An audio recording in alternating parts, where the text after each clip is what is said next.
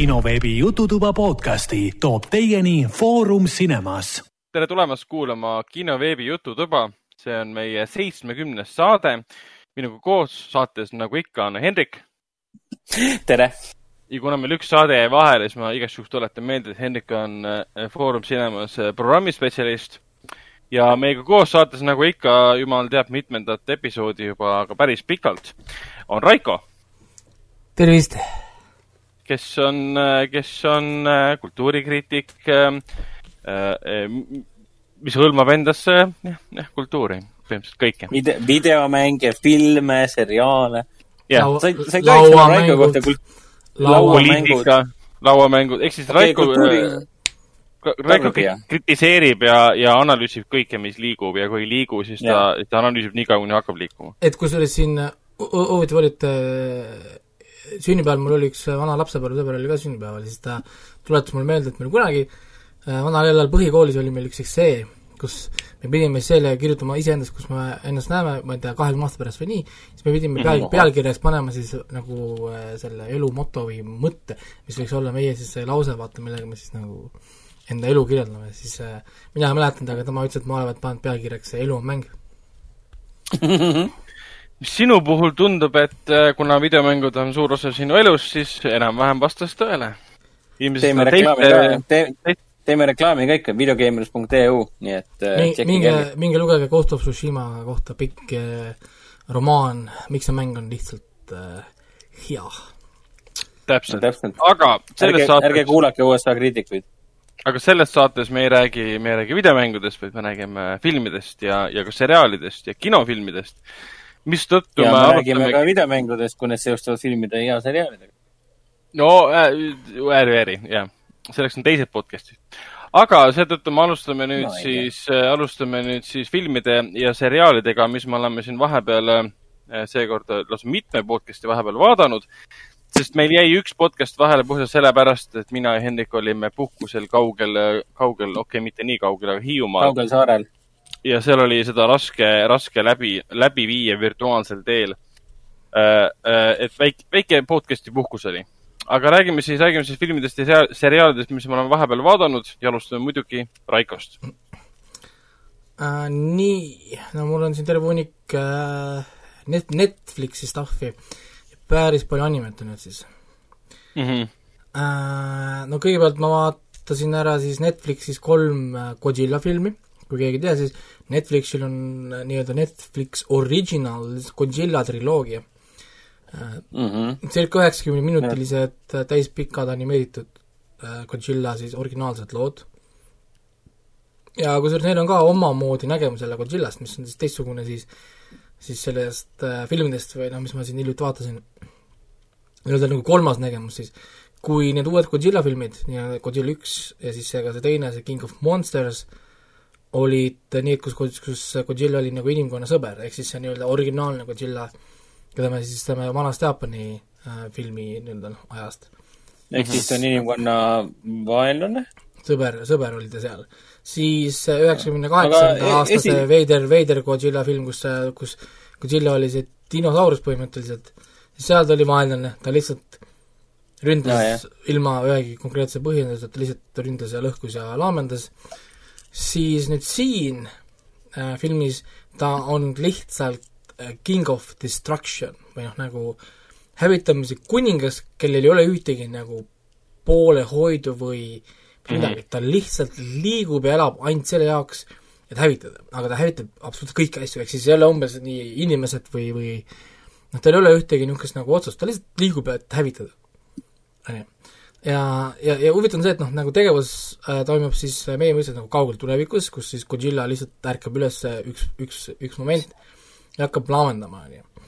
siis inimesega, inimkond on hädas, kas Godzilla on, on, on, on võitmatu, mitte midagi talle ei mõju, mitte midagi tal teha ei saa tema lihtsalt liigub ja hävitab kõike, siis tulevad äh, kosmosest, tuleb siis tulnukad põhimõtteliselt, kes on siis inimeste kauged sugulased mingist teisest universumi osast, kes tulid siin sellepärast, et nad äh, nii-öelda kuulevad või teadsid, et Godzilla tuleb. ja nad käivad siis nagu erinevat planeetidelt planeetidele, kus kohas siis need planeedi titaanid on, on siis ärganud ja lähevad neile appi mm. -hmm. et siis nemad selgitavad siis nii, et Godzilla taolised olendid ärkavad iga kord üles, kui inimkond jõuab teatud staadiumisse oma arengus, kus kohas siis nii-öelda planeeti kaitsev titaan ärkab üles, et inimkonda ergutada ja anda neile valik. Kas te arenete, liigute edasi või te nüüd surete sinna kohe, on ju -hmm. nii-öelda, nii-öelda, nagu testikivi siis, evolutsiooniline testikivi või, või kuidagi niimoodi. aga, aga nende üllatuseks on need tulnukad ka saa Godzillast jagu, sest Godzilla on äh, erakordselt tugev. ja, ja tulemuseks siis ongi nagu see, et äh, osa inimkonda siis paneb jooksu koos nende tulnukatega, nad loobuvad nii-öelda planeedist, annavad selle Godzillale, sest äh, nemad ei saa jagu. Mitte ükski asi lihtsalt ei hakka loomale peale ja, ja siis nad lendavad, reisivad ja film algabki siis sellega, et nad on äh, mingid kümned tuhanded valgusaastad kuskil teisel pool äh, galaktikat, otsivad endale uut planeeti nii-öelda. eriti ulme. ongi, see on nüüd väga nagu suur ulme, jah. ja siis nad ei leia seda planeeti ja hakkavad siis äh, noh, nii-öelda meeleheitrile minema, sest nende ressursid saavad, saavad otsa. Aga nad no mis siis, Godzilla tuleb järgi neile või? ei Äh, ja siis nad otsustavad, et, et neil on täpselt, nad on täpselt selle punkti peal, et nad saavad veel tagasi minna maale.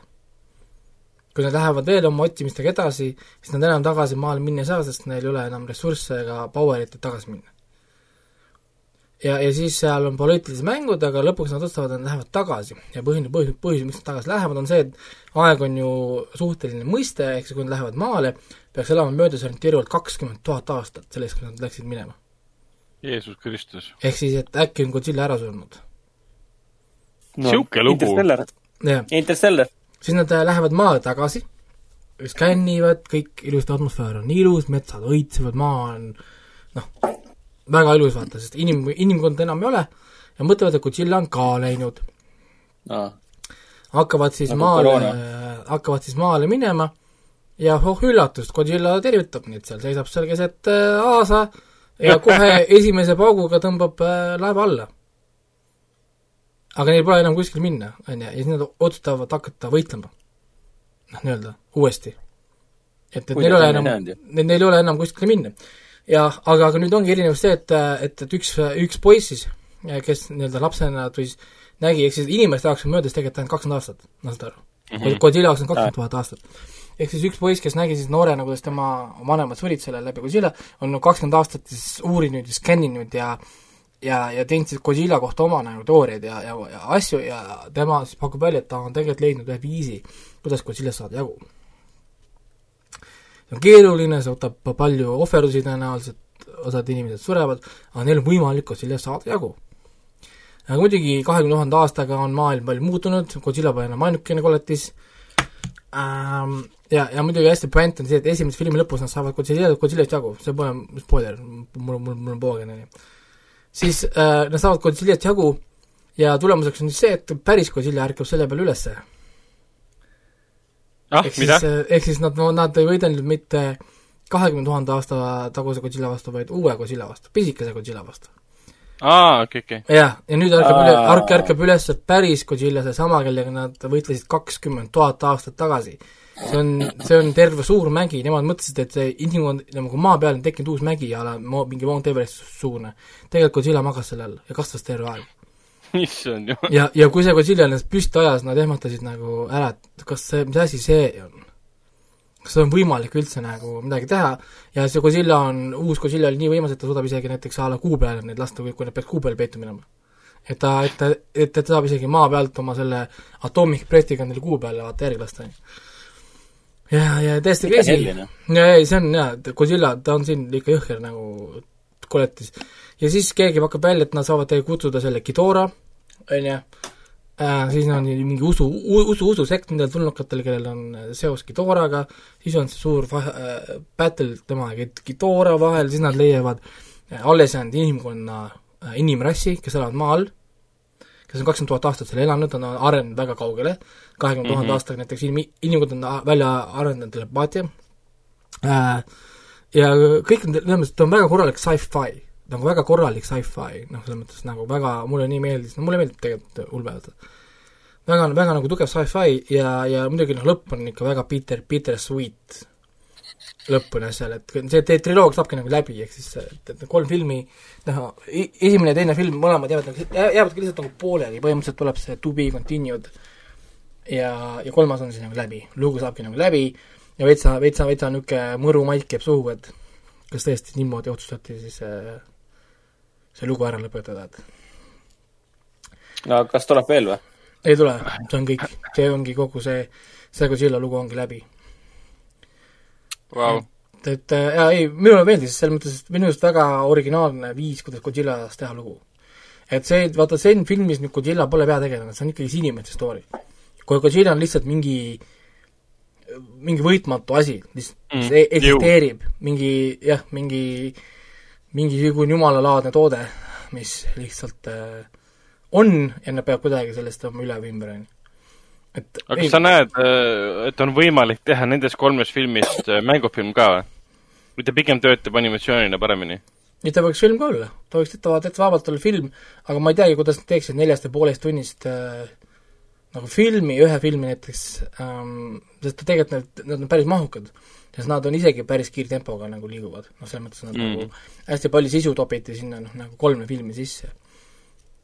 et, et see peaks ikka olema kas siis ka filmiseeria või või noh, kuidagi, kuidagi teistmoodi.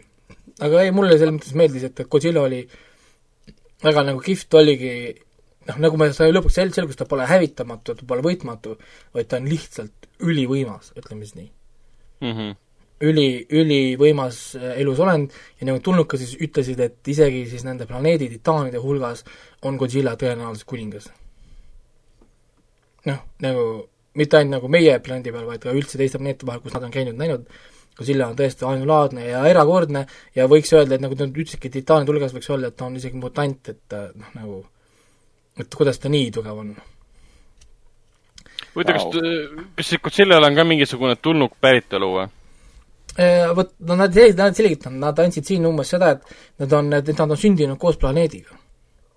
Need olendid umbes, ja nad on nii kaua lihtsalt magavad, kuni lihtsalt mingi noh, näiteks seesama ongi, et siis esimene märk või, või, või asi, et tsivilisatsioon jõudnud liiga kaugele, ongi, kui tulevad tuumakatsetused, erinevad asjad, mis tõstavad maa radiatsiooni taset teatud tasemele mm. ja siis need olendid ärkavad üles. ehk siis nüüd on aeg. nojah, no umbes nagu see ameeriklaste oma Kings. Garrett, Garrett, mis ta oli, Edwardsi filmis oli samamoodi, et filmi Esimeses. esimene, esimeses stseenis oli, tuumakatsetused ja Roland Emmerichi filmis olid ka vist alguses tuumakatsetused ja et see nagu äratas üles. no see ongi see, noh, see on, kuidas see Godzilla on seotud nagu selle, nagu öelda, looga, see main, main loor on tal siis. aga noh, need vaatasin ära, siis ma vaatasin selle, selle Jim Jeffriesi uue äh, stand, stand-up'i Intolerant ei tea mm, -hmm. suht tema stand-upidest, äh, tema omadest suht leebe ja suht mm -hmm., ja suht igav ka on näha, et ei viitsi seda teha, et nagu mingi cash, cash, cash cow lihtsalt kiiresti teeb, et saada veidike raha umbes nagu. väga mingid vanad naljad või? väga minimaalne effort, lihtsalt ta äh, nagu rohkem niisama rääkis juttu, kui tegi nagu nalja. noh, selles mõttes eks see on üldine mulje praegu jäänud kõikide nende uute mitte, et ma kõiki oleksin vaadanud, aga osade vähemalt põhjal äh, uute, uute Netflixi stand-up'ide kohta, kestavad vähe või kestavad tund aega. ja need mõjuvad kuidagi venitatult ja kuidagi see naljad üldse ei tööta või need on kuidagi lihtsalt mingi tüüp teeb, et raha teenida. ja ja, ja see on täpselt selline mulje jäigi, et nagu ta lihtsalt tegi, et ainult seda nagu nalja nagu mm -hmm. no nalja nagu oli väheks ja, ja, ja ühesõnaga ei olnud seda tema niisugust, temale omast niisugust asja, ei tea, ei, ei, ei, ei, ei olnud midagi erilist siis äh, nüüd hakkas Crunchyrollis hakkas pihta originaal, nende enda suur originaal God of High School, see on siis kuulsa Webtooni animatsiooni põhjal tehtud mm, -hmm. mitte animatsiooni, vaid tähendab koomiksi põhjal või noh, manga, manga põhjal tehtud, hetkel on kolm episoodi väljas, esialgu ma olen väga rahul, ta on üks väheseid Lõuna, Lõuna-Korea siis äh, nuntuid äh, mangasid, muidu on enamus mangad ju, me teame, on Jaapanist, on ju. siis siin antud juhul on tegemist Lõuna, Lõuna-Korea toodanguga. ja see on siis action'i oma, ehk siis põhimõtteliselt nad terve aeg ainult peksavad, peksavad üksteist, ehk siis äh, see on suur turniir, kus kohas erinevad äh, inimesed siis võitlevad auhinna nimel, kus kohas võitja saab soovida ühe soovi. ongi kõik. jah. vot ongi siis võitlusest äh, turnamenti. jaa, ja turniir, kohe algab turniir, esimeses episoodis kohe algab turniir, mille nimi on mm -hmm. God of High School. lihtsalt see on see, mille üle tehakse nalja, et high school on nimes, aga kui pole kuidagi seotud high school'iga. Siis võiks siis öelda, et kõige, kõige parem high school õpilane on see, kes võidab turnamendi või? jaa, aga see ei ole õpilastega seotud, see, see pole kuidagi seotud high school'iga, see on lihtsalt ainult nimes on ainuke koht, kus eksib see, noh, kus eksisteerib see high school. ülejäänud aja on kõik lihtsalt nagu pohhu ta näeb päris äge välja. ei, on küll, ta on, ja ta on action, on väga hästi animeeritud ka, nii et ähm, soovitan igal juhul, tal on hea muusika, ta on väga, ta on hästi tempokas ka, tohutult, nad võtavad mingi kuus-seitse chapter'it äh, igas episoodis, nii et, et äh, nagu hästi, hästi tempokas mm. -hmm. siis hakkas see ReZero äh, teine hooaeg, meil on kolm episoodi väljas, olen vaadanud, ja jätkab tegelikult mm -hmm. täpselt samamoodi, kus esimene lõppes nagu. muidugi esimeses äh, osas kohe oli niisugune väga valus moment, vaat, vaat ma e-, eelmine rääkisin, see Resoro oli see, kus kohas siis see meie maailmast pärit inimene satub maagilisse maailma ja iga, iga kord, kui ta sureb yeah., ta alustab nii-öelda checkpoint'ist yeah,. siis äh, esimese hooaja lõpuni on läbi, siis esimeses hooajas, esimeses osas on moment, kus ta avastab, et üks, üks asi toimus, mis talle ei sobi, ütleme nagu väga halb asi, siis ta tapab iseennast ära meelega. et minna siis tagasi ja muuta seda, aga uus checkpoint on nüüd peale seda, kui see sündmus toimus ehk siis ta ei saa enam ta kaugele noh, nagu tagasi minna, ehk siis nüüd ta peab leppima sellega, et see ongi nii, ehk siis seda enam muuta ei saa. ja, ja sealt hakkab, ehk siis ta hakkab uus nagu niisugune story, et siiamaani väga jälle väga tempokas, ehk siis praegu on väga head animed, mida vaadata niimoodi, ongi see God of High School ja siis see ReZero on ju, ja siis äh, see Japan Sinks ja, ja siis see BN, BNS on ka, kes tahab praegu vaadata väga head animeid, praegu on neli tükki tervelt, nii et sa Sinksi juba vaatasid ka või? mis see? Ei ole veel vaadanud, ei ole vaadanud, ei ole vaadanud veel, aga, aga ma juba näen, et äh, anime fännid ütlevad, et on väga hästi. jaa, ja pluss ma sain teada, et äh, minu meelest äh, meil tuttav uuris välja, et tuleb välja, et sarja looja on Eesti fänn. et ta on reaalselt meelega sinna eestlasest tegelase sisse pannud. võimalik, sest ah, jaa, ma kuulsin ka sellest. millegipärast, et hästi palju jaapanlasi kipub olema Eesti fänn ja hästi nii paljud Jaapani tudengid tahavad Eestisse tulla vahetusõpilasteks kogu aeg nii et äh, ja, ja seal Japan Sixis on isegi kaadrid reaalselt Eestist nii-öelda, animeeritud kaadrid. Eesti sõnad tulevad mängu, enne kui tuleb siis Eesti tegelane ka veel, et see on täitsa huvitav. nii et eestlased kõik upuvad Jaapanit vaatama. ja, ja siis ma vaatasin Battleshipi koos lastega, see on meie siis seesama projekt, kus see Godzilla tuli, me vaatame lihtsalt suuri ah, filme, kus on, kus on suured koletised robotitaolised asjad ja lihtsalt lõhutakse plahvatused käivad Nice. nii et Oota, vaatasime Battleshipi ära. Battleshipis olid mingid robottulnukad, eks? Need tulnukad on, tulevad suurte laevadega, mis on nagu robotilaadsed, hüppavad vee sisse yeah. ringi. ma ei tea, poisil sobis, tema oli väga rahul, et äh, oli... suured pallid veerevad, lõhuvad äh, asju no,. väga nagu, väga nagu kihvt ja ma olen ka filmiga rahul, minu arust nii mõnus lülitada aju välja ja lihtsalt vaatad, et nagu kuidas sulle Rihanna osatäitmine meeldis? issand ma just mõtlesin selle peale, et, et noh, ise, isegi oma mingi viie lause peale, mis tal filmis on, on ju, see on, see on nii awkward nagu, ehk siis see, see klassikaline näide, et kõik võivad näidelda, päris tõsi ikka ei ole, kurat. ei, ei, ei kindlasti ja, ja, Rihanna ei tohi näidelda. ja siis äh, Netflixi uus sari, see Cursed. oo oh jaa, nii. jaa, seda ma, seda ma tahaks väga kuulda. oota, see oli nüüd Frank Milleri graafilisel romaanil või? jah. aga no kurb asi ongi, et Frank Milleri nimi on siin juures, aga päris halb on, et äh, oi, oi. see oli nagu isegi piinlikult halb, sest äh, ma räägin, ma just vaatasin Warrior Nun'i, on ju, ennem seda. et ma mõtlesin, et okei, sama asi põhimõtteliselt uuesti, noh nagu ehk siis mingisugune naine, kellel on superpowers ja ühesõnaga nagu läheb sealt edasi. ei, no põhiliselt esimene mulje, mis mul kohe jäi sellest, oli ja mis tegelikult lõpuni läks välja, selle on umbes kirjutanud nagu mingi vihaline teismeline, teismeline, kes trampis algusest mingi asi, mis, mida, mida tema luges, ei läinud nii, nagu talle meeldis. oi, mis see on?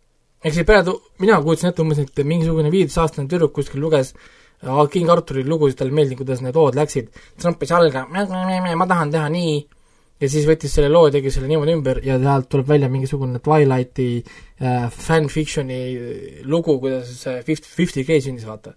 on ju mingisugune tavaline jura ja siis vaatad seda ja üritad välja mõelda, no kellele seda vaja oli? aga kas sa tead ka, kui palju sellel nagu reaalselt pistmist on selle Frank Meri looduga? ei tea, absoluutselt, ma ei tea, kui palju sellega siin on ju, siin on ju tegelikult variant, et see Frank Milleri graafiline romaan või noh, selle kohta öelda, on ka siis täpselt samasugune nagu seriaal ise v. võib-olla, võib-olla lihtsalt no, vaata, isegi kui sa oled Frank Miller, ei tähenda, et iga asi, mis sa kirjutad, on kuld. ei, ei, jaa, täpselt, ma tahtsin just sama asja öelda, et ega Miller nüüd mingisugune geenius pole. et, et ta, Stephen King on kirjutanud ka niisugust aastat, anna olla aga, aga selleks, et kirjutada midagi head, sa pead kirjutama võib-olla palju halba ennem. nii et, et noh, võib-olla see on üks nendest asjadest, mis lihtsalt ongi halb. ja, ja siin lihtsalt oligi halb, konkreetselt nagu noh, ei ole mõtet teha nagu nägu, et või äkki noh, kõik see oli, mind häiris nii palju asju siin lihtsalt, see on oma, omaette kuradi ooper. noh, seesama, et oo, tema on välja valitud, see, põhimõtteliselt siin on see Nimue, on ju, on see peategelane, see kolmteist põhjust, miks see peategelane ja, ja, ja oli? Catherine Lenford, jah uh,. et, et siis uh, tema on see Nimue, kes on siis Fei ehk siis uh, Fairy. On ju, see maagiline rass ja siis tal uh,, tema on siis nagu era, erakordselt uh, tugeva maagiaga tüdruk. ja kõigepealt siis uh, esimene asi, mis ongi, tema valitakse välja siis mi-, mingisuguste hideni poolt on välja valitud, et olla järgmine summoner. ära küsi, mida nad tähendavad, sest nad ei räägi nendest enam kordagi äh,. oota, aga kas see vastab tõele, et see seriaal on justkui nägemus sellest, et kes, kes oli kuningas Arturi legendis Järve Leedi või? Lady of the Lake, jah? no väidetavalt peaks olema, jah. jah, et Nii, see, see ongi see kontseptsioon põhiliselt. siis on ju, ta on välja valitud äh,, ühesõnaga special, siis temani jõuab lõpuks see mõõk, see äh, Sword of Power. või siis noh, meie teame seda kui Ex-, Ex-, Excaliburi, on ju ja see jõuab siis tema kätte ja siis mõõk valib tema nagu välja väidetavalt. Aga see on nii awkward, ta ei, näitleja ei jõua seda mõõka liigutada. nagu noh, ta, peaks olema, ta peaks võitma, võitlema nüüd siin paladinide ja asjade vastu ta võidab neid siin nagu. aga, aga selleks, et seda veenvaks teha, need paladinid, nad ei tohi üldse liigutadagi ennast sellepärast, et see näitleja, ta ei jõua tõsta seda mõõka, jumala eest, andke talle siis papist mõõk kätte, kui ta ei jõua seda natukenegi liigutada. oota, seda on nagu füüsiliselt näha, et ta ei jaksa tõsta seda? nojah, ta ei jõua liigutada seda mõõka. See on nii kole. äkki see on mingi efekti pärast tehtud või? et see ongi see efekt, et see on nii aeglane ja no jah, aga samal ajal, kui ta annab mõõga Arturi kätte, Artur viib selle mõõgaga jumala poogelt, oh see on nii, see on nii kerge mõõk, siis see mõõk läheb üksikele käest, see mõõk on, kõik hoiavad seda ja vehivad sellega nii, nagu tahavad. ja siis tema käest ta ei jõua seda mõõka lihtsalt liigutada no noh, ja siis muidugi kõik need eh, Percival, Lancelot, eh, Morgana, Artur, need on kõik mingid segurassid äh, keset Inglismaad, on ju, Kesk-Ajal muidugi, ma ei tea, kuidas see juhtus, on ju ähm,. Artur on mu natt e, esiteks, siis millegipärast Mor-, Morgana on gei, ära küsi, miks, lihtsalt on, see on isegi, on lihtsalt suvalisel hetkel keset mingit stuff'i on topitud üks, üks stseen, kus ta on lihtsalt gei mm -hmm. ilma ühegi põhjuseta, see oli, ei ta mainitud rohkem, enne seda polnud ühtegi referentsi. lihtsalt ühe korra oli sees gei Mo. moment lihtsalt. Kas ta, kas seda öeldakse välja või sa ei, sa lihtsalt näed, sa näed seda korraks lihtsalt. et, et, et ta, et ta nii-öelda ameleb oma selle kloostrikaaslastega see on, see on okei okay ju, see on parem kui lausena välja öelda, et umbes nii, et meil on muu tegevus, siis tuleb üks tegelane, kuule muuseas, ta on gei. Ärme sellest nüüd rohkem kunagi räägi ja lähme edasi. ehk siis siin sarja puhul võiks, võiks võib-olla vaadatagi seda, et see on see Netflixi checkbox asi, et nii, kas meil on, on meil gay character, ah kurat, me läksime meelest ära, oota, oota, oota. Äh, tema, tema saab olla, davai. paneme kolmandasse e-, episoodi, et ta suudleb naisega ka. Check! kurat, oota, kus on meil kõik need vähemused on? kurat, me teeme seda keskaja Inglismaal, fucking hell kuidas me siia nüüd topime, suva, meil on fairid ja värgid, aga millegipoolest muudame, kõik ini-, inimesed muudame must-, mustadeks ja mulatideks. nagu jah, sest fairi ei tohi olla, järelikult on vähem. No nagu niisugune väga veider asi, no mitte, et ma räägin, see pole nii oluline, aga kui sa nagu võtad jälle asja, mis on juba olemas, siis tee uus story, iga, iga kord ma kordan sedasama asja. kui sa tahad seda teha, siis miks sa võtad selle King Arturid ja värgid, kui me teame kõik, kes nad juba on vaid lihtsalt tee siis see... täiesti uus asi. selles mõttes ma olen nõus juba mit, mitte ainult sellepärast, vaid ka sellepärast, et see kuningas Arturi asi nagu, see on see, et nagu ma tahaks teada, mis need varsti need Kirsti, need numbrid tegelikult Netflixis on. et juba siis, kui see Guy Ritchie tegi Kuningas Arturi filmi, mulle küll film väga meeldis, aga vahetult enne seda, kui ma lõpuks filmi nägin, ma mõtlesin sama, nagu sama, ma mõtlesin just seda, et nagu milleks meil seda Kuningas Arturit vaja on, nagu mingi nõudlus on selle järgi või, või nagu see on surmani ära tehtud, nagu no umbes nagu Robin Hoodiga, et nagu keda kotib enam. nagu et mingi vana Briti legend ja miks meil seda vaja on, nagu kõik on tehtud, mingid seriaalid, Noor Artur, kõik nagu eh, Clive Owen, mis iganes, kõik, kõik on surmani põhimõtteliselt, kõik teavad peast seda lugu, et noh. ja siis Guy Ritchie võtab kätte ja teeb üks-ühele maha ka veel eh, samasuguse loo mm.. olgu, et film ise oli väga, väga stiilne ja äge tegelikult. aga kõik, kõik, kõik tegelased ilmselgelt liiga valged seal, et siis oli vaja no, uuesti teha. sul on, sul on veel sari no,, on ju, mis meil, ma ei tea, viis hooaeg või palju see on olnud, kohe tuleb uuesti see A kakskümmend neli Green Knight ju tuleb. See Kaveini, Kaveini lugu, on ju. ehk siis noh, meil ei ole ka ühtegi momenti, kus ma tõepoolest, kus keegi vaatas, kurat, meil pole kõik King Arturis pole stuff'i. onju. nojah, Green Knight on vähemalt midagi teistsugust, ma saan aru, et ta räägib lihtsalt sellest Kawainist ja sellest suurest Green Knightist nii-öelda. ei no äh,, see... ongi, Kawain ongi Green Knight. jaa, see Green Knight äh, kellega ta võitleb seal mingi suure monstrumiga see on mingi, mingi su-, mingi suvaline, suvaline monstrum yeah., aga ka, ka Wine'i hüüdnimi on Green Knight, muidu roheline ka, kahjuks see, kahjuks see film Dev Patelliga tundub jumala äge, aga see on igalt poolt kalendritest praegu maha võetud. meil pole õrna aimugi, kas see film üldse tuleb kinodesse. nojah, sest Covid, jah. aga treiler nägi küll väga sigaäge välja. kelle, kelle film see oli, David, David Lauri vist või? jah. jaa, okei. Mhm. aga see Kirstiga nii, nii, nii palju ongi, et noh, mul on veitsa ajas kahju, on ju, kuigi siin Eerik kaitses seda filmi, ütles, et temale meeldis ja, ja oli nagu rahul, on ju. ma ei saanud filmida seda sarja, Kürst mm. -hmm. siis minu jaoks just oligi, et noh, Warrior Nun on põhimõtteliselt täpselt sama asi. aga noh, äh, nii-öelda nagu makes more sense, sest noh, Warrior Nun on uus asi, nad ei võta mingit jälle mingi noh, lõputult tehtud asju, kus me kõik teame juba, kuidas mingi asi nagu on. noh, ja siis see Merlin selles Curse'ist, ah siin on lihtsalt nii palju asju lihtsalt noh, tahaks küsida küsimusi. täpselt, ma räägin, mis tunne mul oli, mul oli täpselt sama tunne, nagu ma vaataks Twilighti, kes see kirjutas selle? ja mi-, miks selle sari tehti? kaks asja mm, -hmm. mis mhm. mul nagu tuleb. see on täpselt selline asi, mida kirjutatakse, mida mina kirjutaksin koolis, kui ma oleks mingi kaheteist, kolmteist aastane ja öeldakse, kirjutage mingi lühi fantaasiajutte a la King Arthur teemal siis see on nagu huvitav mõelda, et äh, tasub võib-olla see Frank Mülleri lugu üles otsida, seeläbi lugeda ja võrrelda. et kas Netflixi seriaalina sa lihtsalt läbis sellise julma muutuse võrreldes nüüd algmaterjaliga? me ei tea seda. või siis, või siis nagu ikka on, et see stsenarist või siis lavastaja ei saanud pointile pihta. vaata, see on ka hästi oluline, kui kui sul on lool mingi point või mingi tuum, mida sa tahad edasi anda ja kui see läks mööda nendest. kuigi seriaali üks loojatest on nagu Frank Miller ise ka no siis, siis, siis üks arendajatest. siis võib-olla see ongi ta no, lihtsalt, äh, ongi niisugune lugu. ta on, ta on, ta on juba vanamees ka, nii et noh, selles suhtes mm.. aga noh aga..., jah. no selge, aga äh, Raiko, kas äh, sul on, sul on veel mõnest filmist või ei, mul on, mul on kõik, et need, need animed asjad ma räägin siis pikemalt, kui hooajad on lõpuks läbi. et mm, -hmm. et, et hetkel nad jooksevad ja lihtsalt meeldetuletused, et nad käivad, kindlasti toetage eriti just God of High School'i sest ma saan aru, et see maksab erakordselt palju, et seda toota, seda tehakse motion capture'i ka, see on üks esimesi ani-, ani-, animesi, mis kasutab tugevalt motion capture'it ka. Nad kasutavad motion capture'iga animeed või? jaa, nad kasutavad päris taekwondo võitlejaid. Äh,, taekwondo ma ei mäleta, viis seda oli neil, viis võitluskunsti eksperti on Lõuna-Koreast ja Jaapanist äh, stuudiosse kutsutud. Ja siis äh, filmitakse ja tehakse ja animeeritakse vastavalt sellele, samuti action stseenid on kolmkümmend seitse või kolmkümmend kaheksa kaadrit on välja joonistatud, kui tavaliselt on mingi kak-, kakskümmend kuni viisteist või viisteist kuni kakskümmend. püha jumal, tohutu töö et, et, et ma saan aru jah, et, et Crunchyrolli jaoks on see suur projekt, nad on seda mingi hästi ka pikalt ja kaua teinud, maksis kindlasti väga palju raha nende jaoks.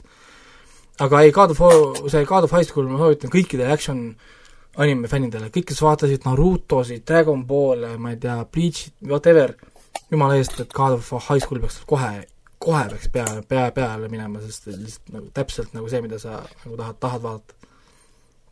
see on huvitav, sest mu kaheteistaastane õetütar uuris minu käest ka, et onu, mis, mis animeid sa soovitad või, või tähendab, mis animeid mina olen nagu vaadanud. ja, ja ma ei saanudki aru, mida ta ise on vaadanud, et ta vaatab animet, tuleb välja ah,. ta vaataski seda, kordas mulle küll, mul läks juba meelest ära? One Piece, Naruto, Bleach, mis asi, milline nendest? äkki oligi see ReZero või? ReZero võib-olla on, sest ta on päris suur, ta on päris suur asi, ReZero. ja, ja äkki vist oligi see ja siis, aga ma ei saanud talle midagi soovitada, sest mul tuli pähe lihtsalt see Cash Hern Sins, mis Henrik ükskord siin saates ka rääkis, äh, mis on liiga verine talle muidugi. mitte verine, vaid väga deprekas lihtsalt ja aeglane. siis mul tuli vist, äh, ma ei tea, One Punch Man, ta polnud näinud seda, nii et ma soovitasin seda vaadata, et siukene no, see on hea asi. Ja Ergo Proxit soovitasin, aga, aga Ergo Proxi on ka umbes niimoodi, et sellest iga episood koosneb viisteist, viisteist minutit dialoogi ja no kahe, kaheteistaastase ütle Dragon Ball, vaata Dragon Balli kaheteistaastasele tüdrukule Dragon Ball Z näiteks isegi võib-olla, mitte Dragon Ball, Dragon Ball Z. ja, ja, ja väga chill. tal jäi Army of, mitte Army of, issand jumal, hakkasin juba omaenda nimekirja lugema. tal jäi Attack on Titan pooleli, umbes nii nagu mul, et äh, seda miks ta, lõpuni vaadanud. miks see, miks see pooleli jäi? ma ei tea, ma ei, seda ma, seda ma ei küsinud. ei, aga miks see, miks, miks see sul pooleli jäi? Um, ma ma, ma ei tea, ei tõmmanud et ma vaatasin, ma vaatasin mingi, mingi treening, treening, treenimise episoodini vist esimeses hooajas ja lihtsalt äh, mõtlesin, et ma vaatan edasi ja nüüd on sellest kolm aastat möödas, et ma ei ole edasi vaadanud. Okei okay,, vaata, vaata edasi, sest äh, Attack on Titan on äh, väga huvitav, ma ei, noh, mina teda oma topides ei topi, on ju, seda animet, aga mm -hmm. tal on nii palju nagu huvitavaid asju seal sees ja ta on üks paremini animeeritud asju ka, mis on nagu tehtud sest ta on jubedalt ta, ta on jubedalt keeruline nagu asi. aga ta, tal on see mure on küll, et tal on see pacing eh, või noh, see tempo pro-, probleem on tal. ehk siis iga loo, igal hooajal nad ei suuda kuidagi nagu neid äh, nii-öelda nagu tausta episoode siis, mis on siis nagu chapteritena sul on eraldi, nagu iga teatud mm -hmm. mingi chapter'i tagant sa saad ühe chapter'i, mis on nagu taust või nagu background või noh, ühesõnaga, et seda maailma nagu järjest sulle lahti arutada, siis nad ei suuda kuidagi seda animes seda samasse temposse panna, kui on see action osa ja, ja siis, siis vahepeal ongi tunne, et issand, et noh, oli nii põnev, kuus, kuus osa läks nii kiiresti, nüüd on venib, sellepärast et sa vaatad mingit dialoogi, mingi forever and ever and ever ja midagi ei toimu, vaata. Nojah, eks ma pean lihtsalt äh, saama üle sellest esialgsest lootusest, et esimene episood on see, mis paneb mind kohe nagu soovima seda kindlasti edasi vaatama. aga liigume, liigume edasi, me siin, me siin Hendrikuga koos, kuna me viibisime koos Hiiumaal siis me vaatasime täpselt samasuguseid äh, filme. Äh, kuna Hiiumaal viibides meil oli ikka mõned filmiõhtud, kus me vaatasime kaks, mõnikord isegi kolm filmi järjest. Siis toome välja, et me vaatasime Army of Darknessi, mis on siis Evil Dead kolm aastast, mis ta aastast oli, üheksakümmend kaks siis. ja vaatasime seda ainult sellepärast, et ei olnud seda sada aastat näinud. et keegi enam seda filmi otseselt ei mäletanud, et kui kui jabur film tegelikult on, kuivõrd nagu ta üldse ei seostu enam teise või esimese osaga, esimese osaga ei pea rääkimagi, aga teise osaga üldse enam ei seostu nagu. Et ta muutus täiesti niisuguseks paroodiahõnguliseks, uskumatuks nagu jaburaks seikluseks, aga alati ta. ja ma nagu mäletasin ka, et, et ta oli, ma mäletasin, et ta oli umbes sama jabur, aga tõsine nagu teine. sest mm. teine on nagu täielik masterpiece. aga noh, jah, sul on õigus. Army of Darkness on ikka hoopis, hoopis teistsugune film ta oli nagu näha, et ta oli tehtud Raimi poolt, kes oli just nagu Darkmani ära teinud Liam Neesoniga. Liam, see Darkman, mis Sam Raimi tegi, oli ka selline film, et see oli nagu ülimalt selline tundeküllane, hästi palju action'it, hästi energiline palju setis, kõik jooksid ringi ja, ja, jah, ja siis äh, ta tegi kaks aastat hiljem pärast Darkmanis Army of Darkness, mis on, kui sa hakkad filmi vaatama, eri, selle erinevaid versioone, me vaatasime korraga vist mingit kahte versiooni, sest äh, Äh, kvaliteedi erinevus oli, aga seal oli näha, et äh, film juba algab sellega, et äh, seal oli vist Bruce Campbell versus Army of Darkness. Ehk siis filmi yeah. algustiitrid ei seostu absoluutselt Evil Deadiga. pluss et Army of Darknessi algus võtab ju kokku esimese kahe yeah. osa. et tehniliselt sul ei ole vaja näha Evil Dead ühte ja kahte, et kolmest aru saada.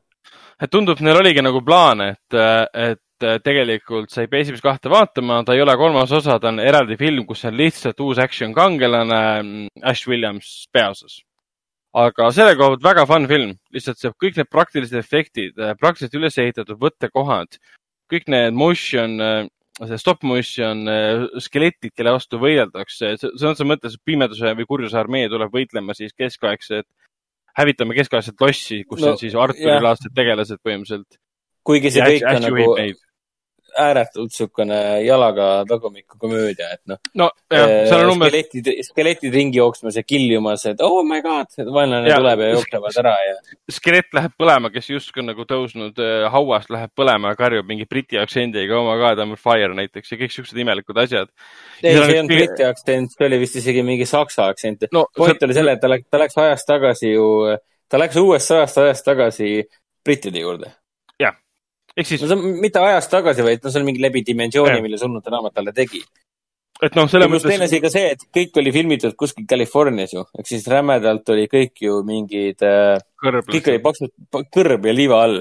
meil tekkis mm. korduvalt küsimus, oota, kas see on nagu keskaegne Suurbritannia või noh? miks, miks see kõik näeb välja nagu Lähis-Ida, et no see ongi huvitav film selle koha pealt, kui esimesed kaks filmi on lihtsalt nagu ühes äh, Cabin in the Woods'is, kus siis teemonid ründavad inimest või inimesi siis kolmas film mingi fuck it, me viskame sind ajas tagasi nende samade teemonite abil, kus sa hakkad võitlema sõrmust isanda stiilis äh, teemonite armeega või noh, surnute armeega.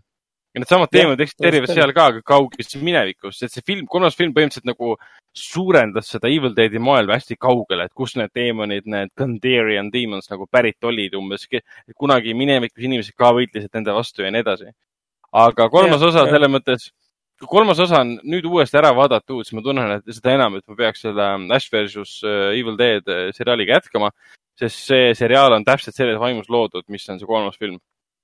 et äh,. no teine ja kolmas kokku põhimõtteliselt, et noh, tänu, tänu aga... kolmandale osale on Ash versus Evil Deadi seriaal nagu väga loogiline jätk. jah, absoluutselt, et ongi nagu Ash, Ash, Ash Williams kui, kui action kangelane samas ma ei tea, kas neil oli kunagi plaanis ka midagi, aga see nagu selle kolmanda Evil Deadi põhjal nagu näe. Henrik kadus poole lause pealt ära, aga mida ta vist öelda tahtis, oli jah see, et kolmanda Evil Deadi põhjal oli veits näha, et nad tahtsid teha sellele veel järgesid. sest tal oli kaks erinevat lõppu. Äh, mina mäletan, kui ma lapsepõlves telekast vaatasin, siis tema lõpp oli lihtsalt see, et äh, Ash on, äh, Ash on supermarketis, kus ta töötab teemani tundub. ma räägin nendest kahest erinevast lõpust ja Henrik tuli tagasi. oli, oli küll jah kaks lõppu, kui sa ütled, mul yeah. oli meelest läinud isegi, et tal oli kaks lõppu. telekas ma mäletan, et ma nägin seda, kus ta äh, oli siis, sai tagasi oma aega, oli supermarketis tööl ja ründasid teemonid. siis ta nagu võttis selle totaalse rolli, et ma olen action superkangelane, eriti stiilselt kasutas shotgun'i ja nii edasi. ja teine mm -hmm. lõpp, mis vist oli ka kuskil mujal jooksnud ka, ma, üks tuttav ütles, ta nägi väiksena VHS-i pealt, oli see lõpp kus ta läheb magama selles, selles, selles keskaja, keskaja sooles, võtab mingid asjad sisse, et magab oma ajani. aga tegelikult ta magas mingi kolm-neli tuhat, viis tuhat aastat liiga kaua ja ärkab kuskilt kaugest postapokalüptilises tulevikus üles, kus kõik on hävinenud. ja siis sellega, sellega lõppes film ära. see nägi ka päris uus välja. aga, aga kusjuures see supermarket oma on ju see, millega algab see sari ju, see Evil, Ash of Evil või see mis ta oli? ehk siis, ehk siis, ehk siis. Ash versus Evil Dead. ehk siis see on ikkagi, see on siis kaanon ikkagi. ja see supermarketi lõpp on kaanon. jah, et kui sa, selles mõttes, et see, mulle see teine lõpp nagu, see, see supermarketi lõpp meeldis rohkem, sest ta läks kokku filmi algusega, sest film algab ka, kus ta töötab supermarketis. miskipärast oli te, pandud tema seda tüdrukusõpra mängima üks väga tuntud näitleja. Bridget Fonda Bridget Fonda mängib tema tüdruksõpra. see oli ainult, Bridget... see oli ainult Army of Darknessi alguses. see oli ühes kaadris, kuigi Bridget Fonda ja. ei mänginud tema tüdruksõpra esimeses kahes filmis. ta tegi nagu cameo põhimõtteliselt mm..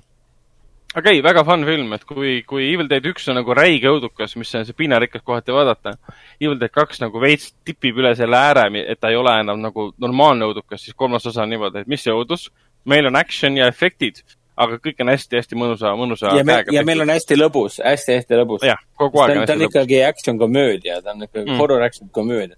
peamiselt just komöödia. no nii uh,. siis me vaatasime, vaatasime veel komöödiat, äh, me vaatasime Eurovisiooni filmi uuesti uh,. kuna meie seltskonda, Eurovisiooni film ehk siis Eurovision The Story of Fire saaga Netflixis kuna meie seltskonnas oli inimesi, kes polnud seda näinud, siis me vaatasime selle koos uuesti ära. et teist korda vaadates mulle ka väga meeldis no tegelikult täpsena olla, kui me teist korda, tähendab, kui me, kui me esimest korda vaatasime hi, puhkusel olles, ehk siis yeah. me vaatasime seda küll teist korda, aga seal olles me vaatasime ju seda, vaatasime kaks päeva järjest seda põhimõtteliselt mm. -hmm. aga kui me vaatasime seda siis nagu esimest korda seal olles, eh, siis me ei, tegelikult ei tahtnudki seda vaatama hakata, vaid meil mõtlesime, et vaatame algust natuke, see on no nii pull film, et hästi mhm. natukene mm. vaatame algust. kaks tundi hiljem, ah persse, vaatasime kogu filmi ära. No, siis tore. nagu väga meeldis. laulsime aga... kaasa ja kõik olid õnnelikud ja nii edasi. No. aga, aga kui me ja, ja, ja ting-tong. meil, meil oligi seal puhkusel oli see, et me olime põhimõtteliselt nelikümmend kaheksa tundi järjest. Äh, me muud ei teinud, kui kuulasime kalastades, saunas käies, äh, süüa tehes, lõket tehes, kogu aeg kuulasime, kas kogu aeg kuulasime, kuulasime ja ja ting-tongi ja karjusime üksteise peale, et miks sa ei mängi ja ja ting-tongi, mängi ja ja ting-tongi. et, et kuskilt on... keegi kaugelt, kaugelt tuleb kuskilt WC-st ja kuskil metsa vahel karjub, et mängi ja ja ting-tongi. kusjuures see ja ja ting-tongi miim minu arust läks nii hästi, toimis filmil nii hästi, et, et äh, ma nägin ma siiamaani noh, näen miime, kus kohas on mingi asi ja siis on miim lõpeb, aga miks sa ei mängi ja ja, ja ja ting-tongi no ongi see, see Jaja Ding-Dong on ju perfektne, see uus äh, trollololol põhimõtteliselt ju. Mm.. seda, seda, seda klippi, seda tüüpi, kes nii nagu elu eest annab oma parima näitleja töö põhimõtteliselt, see, tüüp, kes nagu kolmes stseenis korraga, äh, erinevas stseenis karjub, et seda, seda stseeni saaks kasutada ju kõikidele, ma ei tea, uus, tuleb uus, ma ei tea, Linki Park annab välja uue loo paned seal viis sekundit mingit uue lugu, mingisuguseid eh, träna sinna algusesse. ja, ja ding-dong. et noh, see on perfektne. no, no, no, only, only ja, ja ding-dong I only need ja, ja ding-dong et see on, me uurisime välja ka, kes see näitleja on, et see on mingi, mingi Norra näitleja vist oli ma saan aru, et äh, äh, kohalikud teavad, kohalikud vist teavad neid, ma saan aru, sest nad ikkagist kästisid suht mingid äh, Norra ja mingid äh, Rootsi neid jaa, jaa, seda küll et kui siin mõned äh, Mikael Brensbrandid ja, ja siis äh, kiilakas tüüp sealt äh, Eesti filmist Mihkel ja uuest Blade Runnerist, mis ta nimi oli, ma ei mäleta enam. Toomas Le Marquis. no ta tegi ka ühe, ühe, ühes kaades rolli yeah,, või okei okay,, kolmes. aga lihtsalt, kui me seal olime ühe korra ära vaadanud ja siis vaatasime teist korda järgmisel päeval, sest seltskond lisandus inimesi, kes polnud seda filmi näinud, siis ma tundsin, kuidas see film suri minu jaoks ja ma polnud ainuke, lihtsalt ma vaatasin, et issand, see plott on tegelikult nii halb ja nii igav ja klišeeline. et kogu aeg oli tunne, et ma tahaks näha ainult Rachel McAdamsi näitlemist, ma tahaks ainult naljakohti näha ja laulukohti näha. ja seda me kõik avasime ära, et Rachel McAdams on täiesti geniaalne siin rollis. jah, aga kõik muu, noh. aga kõik, mis puutus draamasse, on see, et kui draamat ei ole, see läheb kogu aeg üles, üles, üles lihtsalt draama on totaalne kukkumine, see, et sa ei suuda lihtsalt vaadata enam, et see ühesõnaga, kui sa vaatad kaks päeva järjest sama filmi, siis see võib tekkida see efekt, kus lihtsalt ma arvan, et see on pigem see, see miinus. ja teine asi on ka see, et kui sa oled nagu hommikust õhtuni kuulanud Volcano Mani, Jaja Ding Dongi ja Lion of Love'i ja lõpuks otsustad, et fuck it, ma pean seda ikkagi uuesti vaatama neljakümne kaheksa tunni jooksul, sa oled. varahommikul lõpetasime selle filmi vaatamise ja siis sama äh, päeva õhtul vaatasime uuesti. Eh, siis mõni ime, et see film on mingis mõttes sinu jaoks ju rikutud. et mm. mina, mina näiteks hakkasin vaatama, mõtlesin, et siin nii vähe muusikat ongi, miks nad juba ei laula? sihuke keemiline reaktsioon tekkis ajus, et ma oled nii harjunud selle päev otsa selle laulude kuulamisega, et aga kas see pidi muusikaline film olema, miks nad ei laula? kogu aeg tekkis see tunne draama teenida ja ja, ja, ja, ja ting-tong. huvi, huvi, ja, ja ting-tong, et täiega nagu, see on pigem eksperiment nii-öelda filmiga. aga ei, fantastiline film. mis, parim laul, mis kunagi on tehtud see muutus jah, nagu päriselu, er-, päriselu meemiks nii-öelda puhkuse ajal, kus sa kogu aeg kuulad seda laulu ja, ja Volcano Mani ja. no siis, me, me läksime ju kalastama ja siis äh, kalastades me lasime kolm kuni neli tundi järjest, lasime telefonist äh, äh kümnetunnist Jaja Ding-Dongi. et sa järjest lihtsalt jooksid samal ajal, kui me kala püüdsime. lõpuks tekkis küll tunne, et kuule, pole kinni see jama kuskil pooleteise, pooleteise tunni pärast see oli, see oli tõesti huvitav eksperiment. aga lähme edasi, me vaatasime Hendrikuga koos ka The Texas Chainsaw Massacre The Beginning, mis oli siis selle Michael Bay produtseeritud Texase muudase mõrvade filmidest siis teine film. esimene film oli lihtsalt mm -hmm. Texase muudase mõrvad kaks tuhat kolm, mis oli siis äh, seitsmekümne neljanda aasta Tobe, Tobe Hooperi siis remake. ja siis tehti ja, Beginning. Jessica Biel oli seal peaosas. jah ja siis tehti Beginning, äh, mis on siis, äh, mis on siis eellugu eelmisele filmile ja samal ajal eellugu kogu seeria. et näitab ära, kuidas siis äh, Leatherface sündis, kes ta oli väikse poisina, kuidas ta ise sündis, kus ta üles kasvas, kuidas see perekond, kes hakkas inimesi tapma räigelt äh,, alguse sai, kuidas, mis viis nad selleni, et nad hakkasid inimesi tapma ja neid sööma seal oma, oma rõvedas, rõvedas majas. ja, ja loomulikult on taaskord keskmes mingid äh, ilusad noored, äh, kes jäävad siis äh, väärtelikule perekonnale vahele ja nende ja. võsukesele. kusjuures on huvitav nagu... ka, et see, nii ei, räägi, räägi. et siin esialgses seerias oli neli filmi, eks. ja siis tuli kaks tükki. oli esialgses neli, jah. neli vana filmi, mis sai alguse vanast filmist. ükski neist ei puudutanud eellugu, sest ma ei ole neid äh, teist kuni neljandat näinud. aga teise osa lavastas ka Doug Hooper aga fännid mulle seal Hiiumaal ütlesid, et äh, need kõik need filmid on nii erinevad, et tegelikult äh, ei olegi vahet. kui esimene osa välja arvata, siis äh, polegi vahet, mis järjekorras sa neid teist kuni neljandat mm. vaatad. et nad ei ole otseselt järjeloodki. see Jonathan Liebesmanni film, kahekümne kolmanda aasta oma, ta pole üldse halb, ta on ilgelt sünge. ei, vabandust, kaks tuhat kuus ikkagi. ta, ta on ilgelt sünge ja nihilistlik film et selle koha pealt yeah. lihtsalt Leatherface sünnib äh,, sünnib niimoodi, et tema ema sureb kohe ära mingis äh,, äh, mis oli siis äh,. tapamajas. tapamajas põhimõtteliselt äh, ja siis ta eluaeg töötab tapamajas, siis kui ta sündis, sündis ta oli noh, põhimõtteliselt välimuselt ja vaim, vaimsel tasandil igasugune nii-öelda teistsugune ja nii-öelda friik ja siis kõik kohtavad teda elu jooksul halvasti. ühel hetkel siis lihtsalt äh, see tapamaja pannakse kinni, perekond, kes ta üles kasvatas, kes on ka mingi omaette friigid, äh, siis otsustavad, et äh, ja päris kiiresti otsustavad, et kuna tapamaja pandi kinni selles kohas, kus nad elavad, mingi X kohas kuskil Texase urruaugus, et päris kiiresti otsustavad, et kuule, me saame, peame, peame kuidagi ära elama, kuidas me ära elame, hakkame inimesi tapma ja sööme nende liha. Okei okay,, mõeldud tehtud. see on mingi jah, et in, in, inbred perekond, kes umbes nii, et umbes nagu ameeriklased praegu oma maskidega, et ei, meie ei lähe siit ära, kõik on välja surnud ja mingit infrastruktuuri enam pole, et aga meie siit ära ei lähe. aga see oli jah, üllatavalt kiire otsus, et okei okay,, et äh, meil on nälg. sihuke tunne oli, et no eile jäite nälga ja, ja täna sõite natuke purgisuppi, et davai, hakkame inimesi tapama. davai, teeme nii. et kohati sihuke tunne ja natuke kiirustatud mulje oli, aga kuna film näeb väga hea välja, need killid on ägedad, see on, ta on nii sünge ja niisugune vastik on siin, siin mängib ka ju äh, legendaarne R. Lee Ermi, kes on minu meelest meie hulgast juba lahkunud. ehk siis äh, Full Metal Jacketi. kaks tuhat kaheksateist suri. kaks tuhat kaheksateist, ehk siis see, kes Full Metal Jacketis äh, Vincent D'Onofri peale karjus. Äh, tema mängib siin ja karjub samamoodi nagu vanasti, nagu alati. jah siin ta mängib niisugust ilgelt haiget, niisugust nihilistlikku tüüpi, kes ühel hetkel tapab ühe šerifi ära, võtab tema rolli üle, et kasutada seda nii-öelda vormist, vormiriietusest saavat jõudu, et teisi inimesi siis äh, peatada keset teed näiteks ja nad ära tappa ja viia koju ja siis konksu otsa panna ja siis tuleb see Leatherface boy, tule sinna ja siis ta hakkab inimestelt nahka pealt ära võtma. et siin filmis ongi see esimene koht, kus ta võtab inimeselt näonaha ära, paneb selle endale pähe, et nii sündib, sünnib nagu Leatherface aga see oli vist viimane hea film nendest, sest sellele järgnes, äh, mis see oli, ähm, issand, ma tuletan meelde uh,. Beginningule tuli siis mingi kuus-seitse aastat hiljem tuli Texas Chainsaw 3D, mis äh, ei pidanud üldse hea olema ja siis tuli Leatherface kaks tuhat seitseteist. see oli täitsa, ei tä-, minu arust Leatherface oli täiesti okei okay film. oli jah? Aa ah,, okei okay,, okei okay.. siis Texas Chainsaw oli väga halb, aga Leatherface, seda ma ei näinud. Äh, see kolm, see 3D oli niisugune nagu veitsa awkward oli, et ma ei saanud aru, mis ta nagu olema pidi. ma mäletan, millest kui ma, kui me vaatasime, siis ta jättis mulje nagu hästi episoodiline, nagu oleks mingi lühifilmidest kokku pandud nagu see aa, okei okay. no,. nagu mingi suurem versioon, et seal ei olnud kuidagi asjad omavahel seotud või mingi väga veider niisugune lahmakas oli hmm aga IMD praegu väidab, et neid on olnud kaheksa filmi vist on kokku selles äh, frantsiisis või?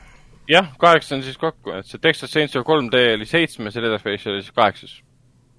aga ma ei tea, kas nad hakkavad sellest nüüd edasi tegema või, või mis sellest seeriast üldse aga kusjuures äh, äh, esimene film, ma saan aru, tehti hoopis kahe eelneva filmi põhjal ju. ma praegu siin loen seda ajalugu ja, ja siis ja. et ta tehti mingi Tree on a meat hook ja Deranged Confessions of ja. a Necrophile Nende, nende põhjal tehti siis see film Põhim,? põhimõtteliselt küll jah, et see, kõik need lood, et see justkui põhines mingi reaalsel sündmusel, ei vasta tõele, see on kõik erinevad asjad kokku omavahel pandud. ja Tobe Hooper oli just see, kes mõtles, et aa, see oleks päris tuus asi, millest film teha ja tegi ära. mis on naljakas, siis tüüp leidis, et tema film on, tema film on komöödia. mitte keegi ei leidnud, et see on komöödia. siis Chainsaw Massacre kahe, mille ta muutis komöödiaks ja see enam kellelegi ei meeldinud. mis oli huvitav, huvitav efekt aga mida me veel vaatasime, vaatame ah,, me vaatasime kaks filmi veel, milleks oli siis Female Prisoner seitsesada üks Scorpion ja siis Female Prisoner Scorpion Jailhouse nelikümmend üks. okei. Äh, Jaapanis. see on triloogiast äh, esimesed kaks osa. jah, kolmas osa on siis Female Prisoner Scorpion äh, Be Stable. Need on siis esimesed nagu kolm filmi palju suuremas sellises seitsmekümnendatel alguses saanud frantsiisis, mis põhimõtteliselt nagu naised Jaapani vanglates kinni, keda piinatakse yeah. nii psühholoogiliselt, füüsiliselt, seksuaalselt erinevatel põhjustel ja kui nad sealt lõpuks välja pääsevad, siis nad hakkavad kõigile kätte maksma, kes neile halba on teinud. ja niimoodi võib kõik need filmid. Need uh, Grindhouse filmid või? ta põhimõtteliselt Jaapani Grindhouse seitsmekümnendatel, aga sellega, selle, selle žanriga ongi huvitav see, et see oli huvitav lainetus, et ta algaski seitsmekümnendatel, lõppes kuskil kaheksakümnendatel ära ja filme tehti kokku mingi üheksakümmend kuni sada. ja neid pole rohkem edasi elustatud, keegi pole neid remake inud rohkem aga mida ma, ta, ta, ta ei ole labane grindhouse, ta ei ole mingisugune labane action. ja see oligi filmi... huvitav, et see sõber, kes meil seda näitas ja tutvustas seda, keset filmi ka põhimõtteliselt vehkis kätega, et mis mõttes on sellel äh, igal pool kirjas, et see on grindhouse. kohati oli see film täielik art house põhimõtteliselt, kuidas et, valgustatakse, kuidas, kuidas fookust äh, keeratakse, et kuidas näitlejad on paigutatud kaadritesse, täielik kunstiteos olid esimesed kaks mm. filmi mm ei, ta on küll nagu alastust täis ja vägivalda täis ja sul on niisugune absurdne, mitte absurdne, aga niisugune, niisugune lugu, kus äh, naine petetakse mehe poolt, äh, mis viib ta omakorda siis vägivaldsele teele, mis paneb ta vangi, kus on vangis on eriti julmad teised vangikaaslased või on siis vangivalvurid, kes kõik teevad talle halba ja siis ta maksab kätte. aga kui vaadata seda filmi, see näeb nii hea välja esteetiliselt nii kaunis ja seal on sellised äh, filmilikud võtted sees, mis puudutab näiteks, kuidas toimuvad stseenide üleminekud, kuidas toimub kaadri liikumine ühest plaanist teise, mida ma ei ole üheski filmis kunagi varem näinud. ja kui me näeme tänapäeva filmides, siis on see ilmselt, ilmselgelt siit varastatud, sest see film tegi neid asju esimesena. jah, see on okei okay,, see on bold statement, aga võib ka vist nii öelda küll. huvitav äh, on see, et ma pean seda ajalugu lugema sellel asjal viimane film mm -hmm. on kaks tuhat üksteist. jaa, aga see vist ei ole enam nagu see päris, päris see, mis ta kunagi oli, et selle sellele, sellele seeriale tehti kusjuures äh, jah, remake tehti, siis tehti mitu järge otsa. Itaalia aga... filmid olid, Aasia filmid, äh, Jungle ja. Prison Films, äh, seal oli mingi sellega seotud non-sploitation'id olid ja mixed genre prison films ja mingid erinevad asjad, mis sellega seostusid, aga see esialgne äh, versioon sellest, mis oli kunstiliselt niimoodi, et andke kõik auhinnad või et see võiks olla maailma kõige mõjukam film üldse, oli just need esimesed nii-öelda kaks filmi tegelikult, siis kolmandat me ei tea praegu. kusjuures no, äh, kusjuures ma vaatan, et Amazon müüb äh, kaheksa diskilist äh, box setti, Female mm -hmm. Prisoner Complete äh, Collection. Nice et jah, neid on ikka, neid on ikka väga-väga-väga palju, et siin on mis iganes, toome näiteks mõned pealkirjad äh,. Jailhouse nelikümmend üks, Beast, Stable, Grudge, Scorpion, sest järjest saab hakata lugema neid. ja, ja hästi, hästi, eriti mulle see seitsesada üks meeldis mulle, Meiko Kaji on peaosas, eks see on, enam ei ütle mitte midagi, lihtsalt vaatab hästi kurja pilguga. siis pärast sa näed, kuidas ta maksab ja, kätte. Meiko Kaji oli ääretult võrratu näitlejanna seal Crazy mm. lihtsalt. aga need on ju täitsa huvitavad filmid, et me peab eraldi välja otsima, keegi nendest enam ei räägi, selles mõttes, et nad ei ole nagu selles mõttes, kuidas nüüd öelda, rahva teadvuses, et ah, siuksed filmid olid nagu, kui me mõtleme Grindhouse'i peale, enamus, enamad inimesed mõtlevad Tarantino peale, mida Tarantino on selles vallas teinud. aga, aga ilmselgelt Tarantino on ka sellest filmist kuidagi mõju, mõju saanud selle koha pealt. ma jäin siin, leidsin veel ühe fakti et selle tootja, üks nagu tootjatest läbi aja on, on siis Toei Company jah, täpselt. Toei, jah. et kui, kui inimesed teavad, siis Toei on äh, animatsioonide tootja suur, näiteks Kamen Rider ja Super Sentai, kui inimesed vaatavad animet mm. -hmm. ja lisaks ta toodab ju mänge ka. Toei äh,, Toei Tecmo ja, ja muud asjad, mis neil on siin. et eks ta on nagu täna on ta tunduvalt rohkem videomängu ja animatootjana, ehk siis kunagi nad tegid hoopis selliseid, selliseid asju, et väga huvitav äh noh, siiamaani tegelikult Toy Company üks viimaseid filme minu arust oli, PÖFFil nägime, oli see Takashi Miki First Love näiteks oli nende toodetud. on jah, on jah, on jah, on küll jah, ka kaks tuhat, kaks tuhat üheksateist aasta tehtud. okei okay,, nende levitatud, aga ma ei tea, palju seal, palju seal nende poolt nagu tootmist taga oli, aga noh, mõte on sama. aga igatahes siit on sügav soovitus kõikidele kuulajatele ja ka Raikole, et kui, kui on võimalus vaadata Female Prisoner seitsekümmend üks Scorpion või Female Prisoner Scorpion Safe House nelikümmend üks või Female Prisoner Scorpion Be Stable no tähtis on, on vaadata seda, mis oli, Meiko Kaasi ja selle režissöör äh, Shunji Ito esimest kolme filmi. jah, täpselt hm. ja veel üks kiire väike Et... faktoid. Toei Company omab Nii. ka, omab ka sellist brändi nagu Power Rangers. no vot, vot ah,. seda ma ei teadnudki. ma praegu siin näengi, et, äh, et see oli äh,, ühesõnaga, siin on jah, nad on vahetanud omanikke ja need mingid spin-offid ja värgid aga Toei Company tegi siin jah, suure diili Hasbroga, viiesaja kahekümne kahe miljoni peale mingi hetk ja et jah, Toei teeb siin asju, vahepeal on Power Rangersit natukene, natukene Kamen Riderit ja siis mõnikord Female Prisoner siis. jaa. Uh,, ma mainin veel ära, mida me vaatasime seal, üks film, mis ma vaatasin, oli All the Pretty, Pretty Maidens in a, in a row. või tähendab, Pretty Maids All in a row oli filmi nimi Äh, seitsmekümne esimese aasta oma. me vaatasime seda ainult sellepärast, et see on üks äh, Tarantino lemmikfilmidest. ja ma saan aru, miks. ta on visuaalselt äh, ja efektide mõistes ja kuidas näitlejad on tööle pandud tuttavaid elemente, kas, kui sa vaatad tema Hollywoodi filmi. aga film ise lihtsalt, see story nagu seal, see lugu oli nii, kuidas öelda, igal pool laiali. et ühelt poolt see oli lugu poisist, kellel on keskas olles erektsiooniprobleemid, üritab sellest nagu jagu saada naistega suheldes. samal ajal see on lugu kooli counselor'ist, kes osutub sarimõrvariks, tahtmatuks sarimõrvariks nii-öelda, kes hakkab inimesi tapma. ja samal ajal on ta lugu siis, kuidas see mõrvar kätte saadakse. et seda lugu oli väga raske jälgida, aga visuaalselt, esteetiliselt väga kaunis film ja saan aru, miks ta, miks ta ikkagi meeldib, äh, meeldib, meeldib Tarantinole. võib-olla kõige huvitavam asi selle filmi suhtes on see, et Gene Roddenberry on, filmi stsenarist Star tracki looja, jaa. ja kui me filmi okay. hakkasime, hakkasime vaatama, vaatasime, tiitrid jooksid. Gene Roddenberry, mida? ja see film on. mis sa siin teed?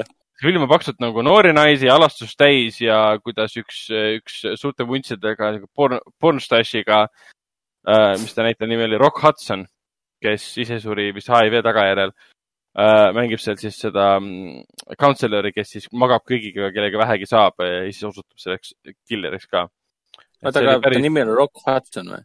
Rock Hudson on tema siis selle näitleja, näitleja nimi. ma ei tea, kas see päris nimi on või mitte, ma sügavalt kahtlen. oota, kas ta oli ainult näitleja või mingi pornonäitleja ka või? seda ma ei tea, ma nii, nii sügavale ei ole seal teemal läinud. ma just vaatasin pilte, no kui sul on Rock Hudson on su nimi ja sul on selline vunt, see on, peab, peab olema mingi, mingi, mingisugune roll kus, kuskil mujal ka, kurat. Jah, jah, tõsi. Aga viimane asi, mis me vaatasime, oli The Fanatic äh,, Fanatic, mis on siis kahe tuhande kaheteistkümnendast aastast pärit äh, äh, John Travolta film, mille lavastas äh, Fred Durst. seesama Fred Durst, kes on siis äh, Limp Bizkiti ninamees. Ja mille ta kirjutas ka. see on tema esimene film ja ta otsustas, et ta teeb filmi äh,, äh, kus Travolta mängib äh, hullumeelset fanaatikut, kes ja. armastab, armastab ühte näitlejat eriti ja see näitleja teeb mingeid vägasuguseid justuseid, selliseid Ameerika action filme see asi läheb nii kaugele, et ta tahab esialgu tema autogrammi. seda näitlejat mängib Devon Sava. jah, Devon Sava, no enamus ei tea, kes on Devon Sava, et enamus teavad teda kas sellest äh, Final Destination esimesest filmist või siis Idle Hands. no Kaspar, point... Kaspar, Kaspar ikka. Kaspar ka või? oli jah? Wise wow.. No vot, vot. ta tegi häält Kasparile või eh?? jah. issand aga õigus väga huvit-, väga hea näeb välja. ei, ei tunne äragi isegi, jaa.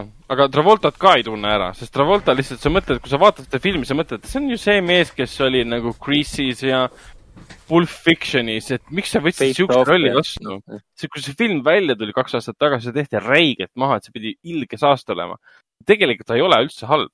ta on väga huvitavalt lavastatud, näeb hea välja, eriti Travolta roll on umbes selline, et okei okay,, mine mees, mine. jah, kuigi, kuigi ta läheb küll sinna väga ekstreemse kämpi, kämpi filmi alla pigem yeah,, sest yeah. noh no, ta... kohati ta näeb küll väga, väga saamatu, mitte ei näe saamatu välja, aga see draama osa, on küll kohati, kohati väga saamatu. sul hakkab Mida? sellest uh, ülemängivast Travoltast ikka väga kahju kohati. ja sulle film muidugi meenutab, ja film meenutab veits Jokkerit ka selle koha pealt, et sul on selline poolautistlik äh, alati närvi minev tüüp, kes on ilgelt põkk tüüp ja mängib nohikut, et see kohati selline konflikti olukord tekib, kus kõik kiusavad teda ja ta ei hakka enda eest, enda eest seisma üldse. kõik kiusavad ja kiusavad ja kiusavad, kuni ta nii-öelda plahvatab ja plahvatab selle, selle näitleja Devon Sava siis tõttu ja, ja tungib tema eraellu sõna otseses mõttes, et eh, kui kellelgi on soov veel ära vaadata, ma kõike ei spoilida, mis seal juhtub. aga filmil puudub lõpp. tähendab, lõpp on olemas, aga see on nii kiirustatud, et sul on nagu mingi kolmandast aktist on tegelikult eh, lõpust peaks kestma mingisugune kümme pluss minutit, viisteist minutit äkki kokku. on kokku tõmmatud, kokku lõigatud kahe-kolme minutiga. siin on põhimõtteliselt see, et kulminatsioon algab, kulminatsioon algab peale ja siis film lõpeb ära. see on juba kõik täiesti šokeeritud, oota, mida? päriselt või? see on, see on veits, veits kurb.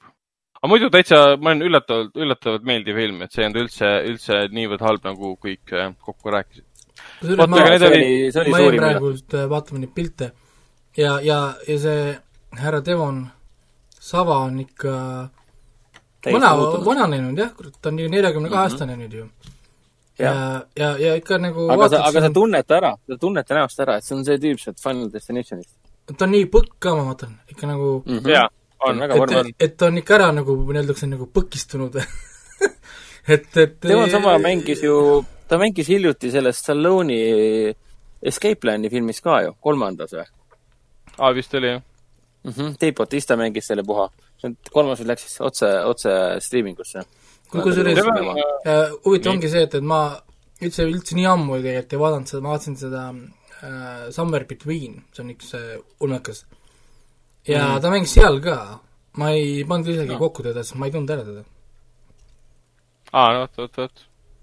ja tema on sama nii, ta on nii ta on seesama näitleja, kes mängis selles Eminemi Stani videos, vaata seda fänni oli küll, jah. ta näeb välja nagu see, ta oli ja. sama näitleja või? jaa, sama näitleja. aa, oli või? ja, ja, ja. tema sama mängis, ja, ja see on fakt, tema sama mängis seda fänni, kes nägi välja nagu Eminem äh, selles Stani, Stani videos. issand, seda ma küll ei teadnud. vot, aga liigume edasi, Hendrik räägib meile, räägib meile kahest seriaalist, mis ta on jõudnud ka vahepeal, vahepeal vaadata no,. ühte ma mainin lihtsalt vahelduseks, et ma siin jätkuvalt vaatan seda Kutsuge ämmaemandat Call the Midwife Jupiteri vahendusel, jupiter.ee ähm,. siiamaani väga hea seriaal, neljas hooaeg just, äh, just, just alustasin. iga mm -hmm. hooaeg äh, alates teisest hooajast algab ju selle äh, jõuluepisoodidega, kaheosalise jõuluepisoodiga, mis on otsene järg esimesele ja nii edasi mm.. et äh, siiamaani toimib, väga hea seriaal, väga hea draama ja kohati ta on äh, see on, üks tuttav ütles ka, et, et ta vaatas vist juba kõik episoodid ära või? see oli nagu veits friiki äh,. aga tema nimetas seda kohati liiga masendavaks. aga mm. noh, ta ei ole masendav, mõtles, iga episood on nagu niisugune lainetus, et algab positiivselt, läheb ääretult kiiresti, mitte kiiresti, vaid sujuvalt läheb hästi masendavaks, siis tulevad sinna helged momendid sisse ja lõpp on ikka niisugune ilus ja kaunis. aga siis ma vaat, lõpuks otsustasin vaadata selle Kipo and the Age of Wonder Beastsi teist hooaega mm, Netflixis. see teine hooaeg tuli juba, ma ei tea, paar kuud tagasi välja äkki või? minu meelest ta ikka üsna, üsna hiljuti või noh, ma nii ootasin seda ja siis ma alles nüüd äh, äkki ta tuli, eile või üleeile. ta tuli kuidagi väga ilma, ilma ühegi suurema tähelepanu või, või reklaamita välja sellest ei ilmunud ühtegi arvustust, vähemalt minu kanalites ette ei sattunud no,, mis oligi ega, nagu kummaline ka. esimesel, esimesel hooajal oli umbes sama, ma ka ei märganud, et keegi oleks väga kirjutanud. räägiti, räägiti ikka oluliselt rohkem temast tegelikult yeah.. aga teise hooaja suhtes on eriti vaikus olnud. aga kuidas sulle meeldib? väga hea, selles mõttes mm, -hmm. et ta on täpselt sama hea kvaliteet ja päris ägedad suured äh, twistid on sisse tulnud et kui see ük, üks twist seal teise hooaja, ma ütlesin, kaheksa või kümme episoodi, ehk kümme episoodi. mul on nüüd vaadatud, äkki ongi kaheksa episoodi vaadatud, ma täitsa lähenen finaalile. aga kui ma sinna ühe twistini jõudsin, siis mul jäi küll korraks karp lahti. aa, holy shit moment oli küll. et äh, mina olen selle kvaliteediga väga rahul, ma ei taha väga spoilerdada, et ta on väga uus seriaal selles suhtes aga mis, millest räägib Keep and Days of Wonder Beast räägib sellest kaugest tulevikust meie, meie maast, kus siis inimesed elavad põhimõtteliselt maa all, väikestes linnakestes põhimõtteliselt, mis on üle kogu maailma laiali jaotatud. sest maa peal nad elada ei saa, sest vahepeal toimus, nad nimetavad seda mute, mutoplastics või midagi taolist. aga toimus, toimus niisugune katastroofiline moment, kus absoluutselt kõik äh, elusolendid ehk siis loomad meie ümber äh, muteerusid äh,. muteerisid kas siis äh, üliintelligentseteks või siis tohutult suureks ja vägivaldseks. ja tulemus oli mhm. see, et inimestel ei õnne, ei olnud enam võimalust äh, maa peal elada. et põhimõtteliselt kõik, mis vähegi oli kunagi armas ja nunnu äh, või siis äh, kiiresti, kiiresti, noh, hävitatav nii-öelda inimeste poolt, hakkas neile vastu põhimõtteliselt -hmm. ja nad muteerusid tohutu suurteks Äh, ja siis nad elavad maa all ja siis Kipo on siis tüdruk, mis niisugune kolmeteistaastane tüdruk, kes siis esimeses hooajas äh, tema kodu hävitatakse äh, talle tea-, tead-, mitte teadaolevatel põhjustel ja ta läheb oma isa otsima. siis ta leiab endale kamraadid, ka on ka inimesed, kes elavad maa peal nii-öelda üksinda, kõik on hästi ohtlik. ja siis üheskoos nad avastavadki, mis selle maailma, kuidas see uus maailm funktsioneerib nii-öelda seal on päris põnevad, põnevad tegelased, kes saavad väga suurt äh, arendust teises hooajas, eriti, eriti esimese hooaja põhipaha äh,. see on, ütleme nii, et ta teise, teine hooaeg keskendub väga palju sellele, et selgitada nii-öelda. natuke häirib see mingis mõttes, et võiks nagu rahulikumalt võtta, aga samas äh, on nagu klassikaline, et ikkagi selgitatakse lahti, et äh, kust miski on tegelikult pärit, miks keegi midagi teeb ja nii edasi hmm aga, aga see maailm ise on hästi-hästi põnev, hästi naljakas.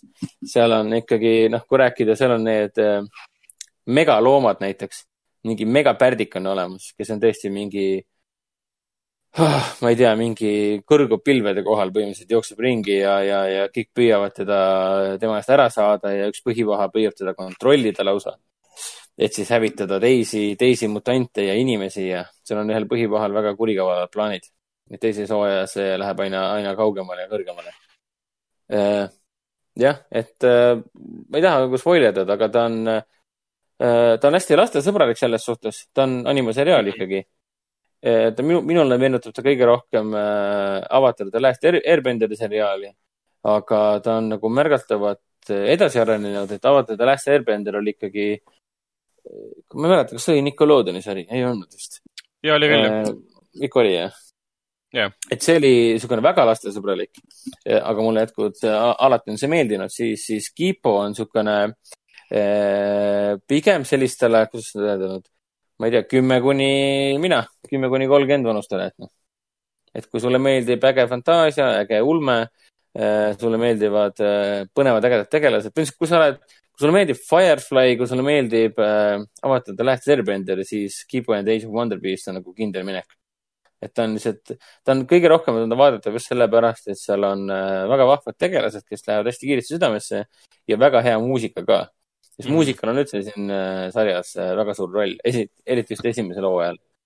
sest alatihti nad puutusid kokku erinevate tegelastega, kes kippusid laulma. kas teises on seda vähem? teises on natukene, natukene vähem, aga tuleb juurde, et noh, võtame näiteks selle, et siin esimeses hooajas olid lõgismaod kes on nüüd siis, ma ei tea, mingi viiemeetrised, eh, kümnemeetrised ja nad on üliintelligentsed ja nad elavad oma kõrbelinnas ja nad on mhm. põhimõtteliselt mm -hmm. nagu äh, Westerni kangelased. see on nende piirkond, keegi sinna ei tule. ja mida nemad armastavad kõige rohkem, nad ar armastavad kõige rohkem heavy metalit ja nad mängivad hommikust õhtuni heavy metalit kogu mm -hmm. aeg. ja see on nii vali heli, et isegi teised mutandid ei saa selle helile lähemale minna.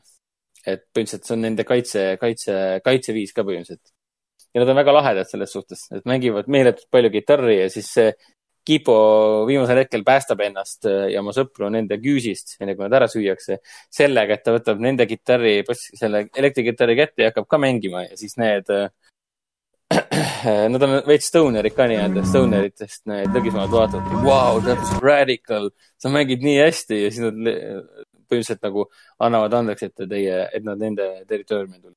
et noh, sihuke näide näiteks et mm -hmm. aga sto story, see põhi, üks põhiline narratiiv, mis seal on, et see on nagu väga emotsionaalne äh,. väga kaasaarv, väga lõbus, väga energiline, et noh, siin fantaasiat ikka jagub küll, aga et äh, ma iga, ma vaatasin järjest teisest hooajast, vaatasin esimesed kaheksa episoodi ära lihtsalt. ei olnud mingit, mitte mingit põhjust kinni panna, et ma lihtsalt kogu aeg tahan seda uuesti näha. väga sõltuvust tekitav mm. -hmm. aga jah, rohkem siis äh, ei olegi jõudnud vaadata no selge, aga ma arvan, et sellest, sellest, selleks nagu seekord piisab ka. räägime, räägime kinofilmidest nüüd, kuna meil üks nädal jäi siin vahele, siis võime mainida, et seitsmeteistkümnendal juulil jõudsid kinodesse näiteks Marie Curie film Radioaktiivne. see räägib siis tema, tema elust, sellest etapist, kui ta avastas uue elemendi. siis jõudis ka loodusfilm Kass Amsterdamis ja, ja, ja siis Euroopa komöödia, see on väga euroopalik komöödia, äh, paljusärgne keiser äh, ja siis ka prantsuse komöödia Lahutamatud ja siis äh, mitte, mitte, mitte Mika Kaurismäki, vaid Aki Kaurismäki või oota. oota. Aki, Aki, ei, ei, tähendab, Aki on see teine Kaurismäki, Mika Kaurismäki lavastatud film Meister Kok Tšeng. Mika, Mika on Aki vend või? jaa, vanem vend, kui ma ei eksi et ah, kui okay,, yeah. kui Agi Kaurismägi tegi siin Le Havre näiteks, siis Mika Kaurismägi tegi meile Meister Kokšengi, mis on väga tore, ausalt ka südamest ütlen, eriti praegusel ajal, ajale mõeldud film, et see nagu rahustab hinge, südant, aitab näha maailma sellisena, nagu ta vanasti võib-olla oli, eriti mis puudutab reisimist ja, ja uutesse riikidesse minekut.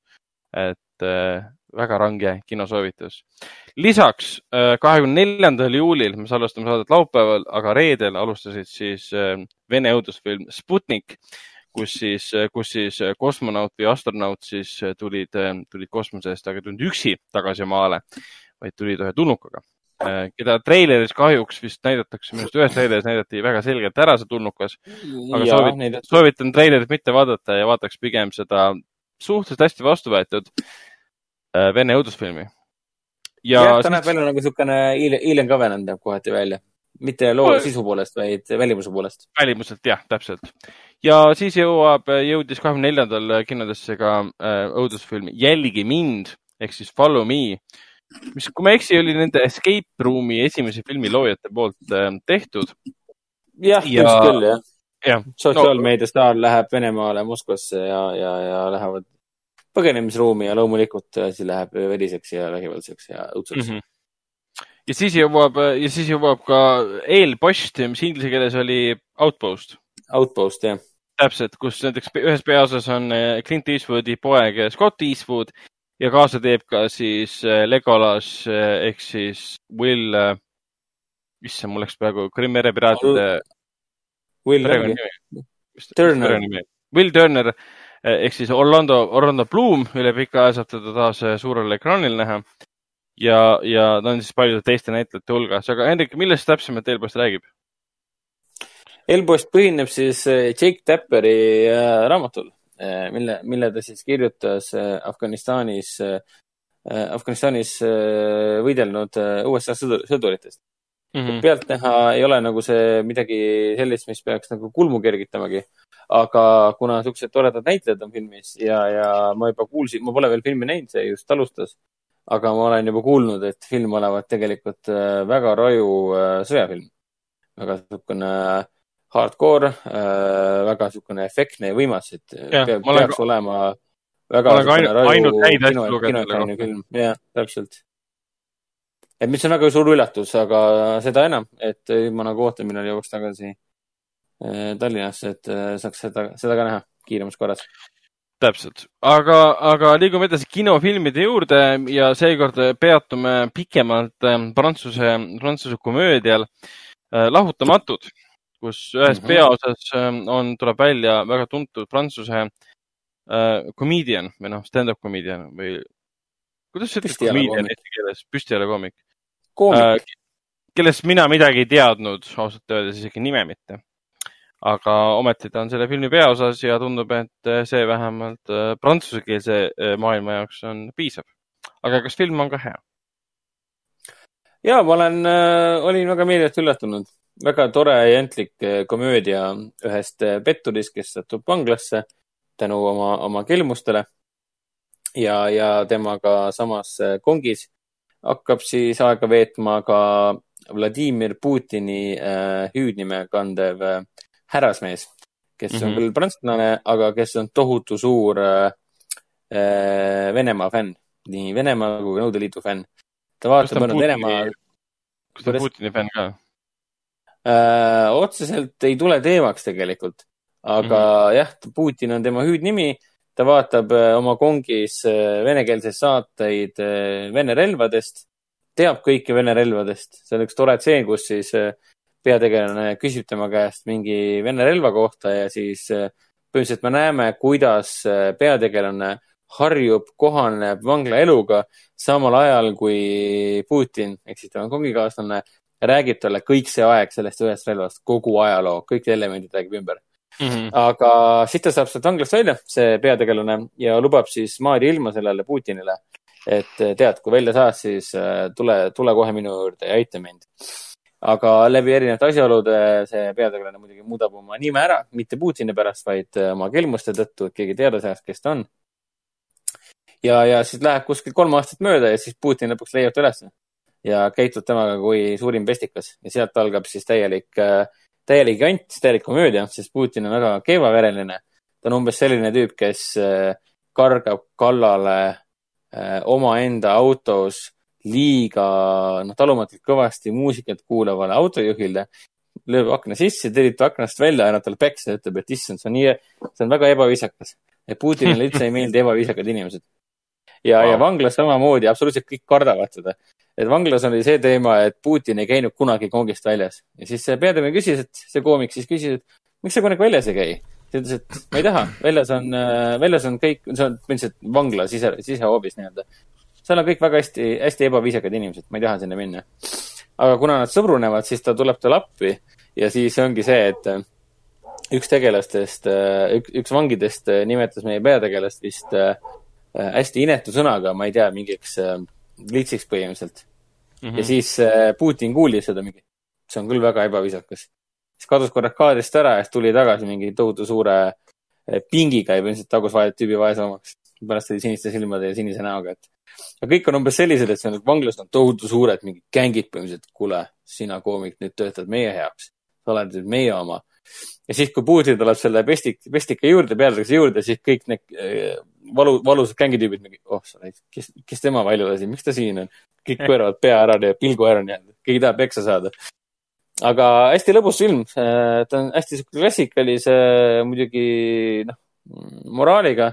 et noh, sul on peategelane, kes võtab uue nime, ta saab uue elu, uue naise, hakkab abielluma mm. -hmm. siis ta peab seda peitma oma endist äh, päritolu, oma endist identiteeti ja kui Putin tagasi tema ellu tuleb, siis on kogu tema elu on ohus, praegune elu, sest noh, identiteet lööb jälle valla ja kõik siuksed asjad aga dünaamika ja keemia on nagu päris mõnus, toimib ja üks, üks hea nali oli filmis, no seal on päris mitu head nalja on, aga üks, üks oli eriti hea nali, kus, mis seas seostus demilitariseeritud äh, relvadega mm, -hmm. mida siis Putin endaga kaasas kandis.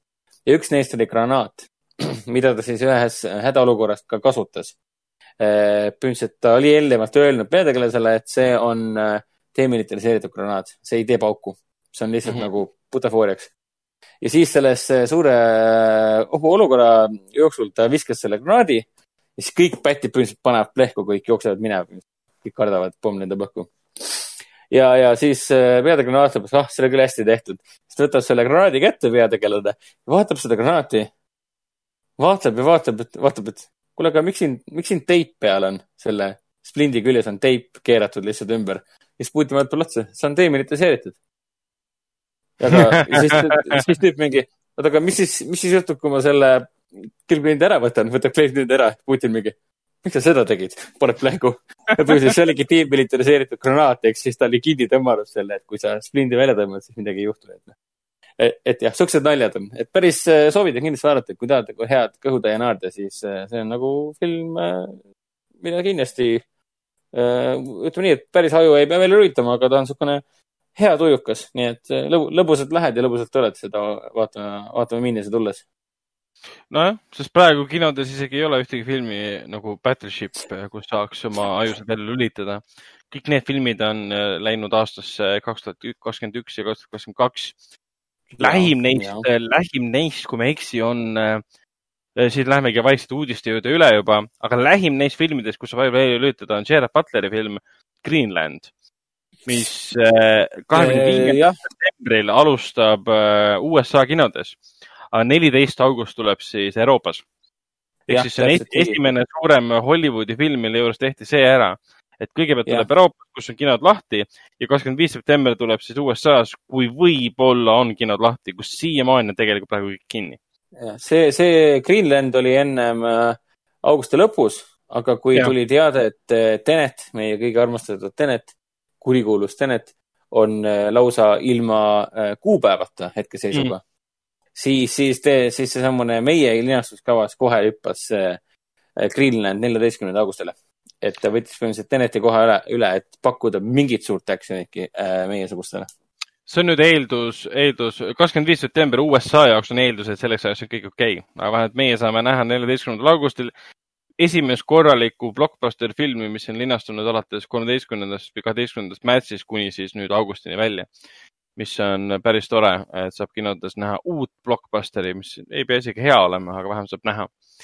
Teneti suhtes jah, vahepeal oli päris kurvad uudised, film tuli välja, pidi välja tulema siis kaheteistkümnendal augustil, aga Warner Brothers andis teada, et film lükati edasi täpselt sellisele kuupäevale, et kuupäeva pole. see selgub, millal see selgub.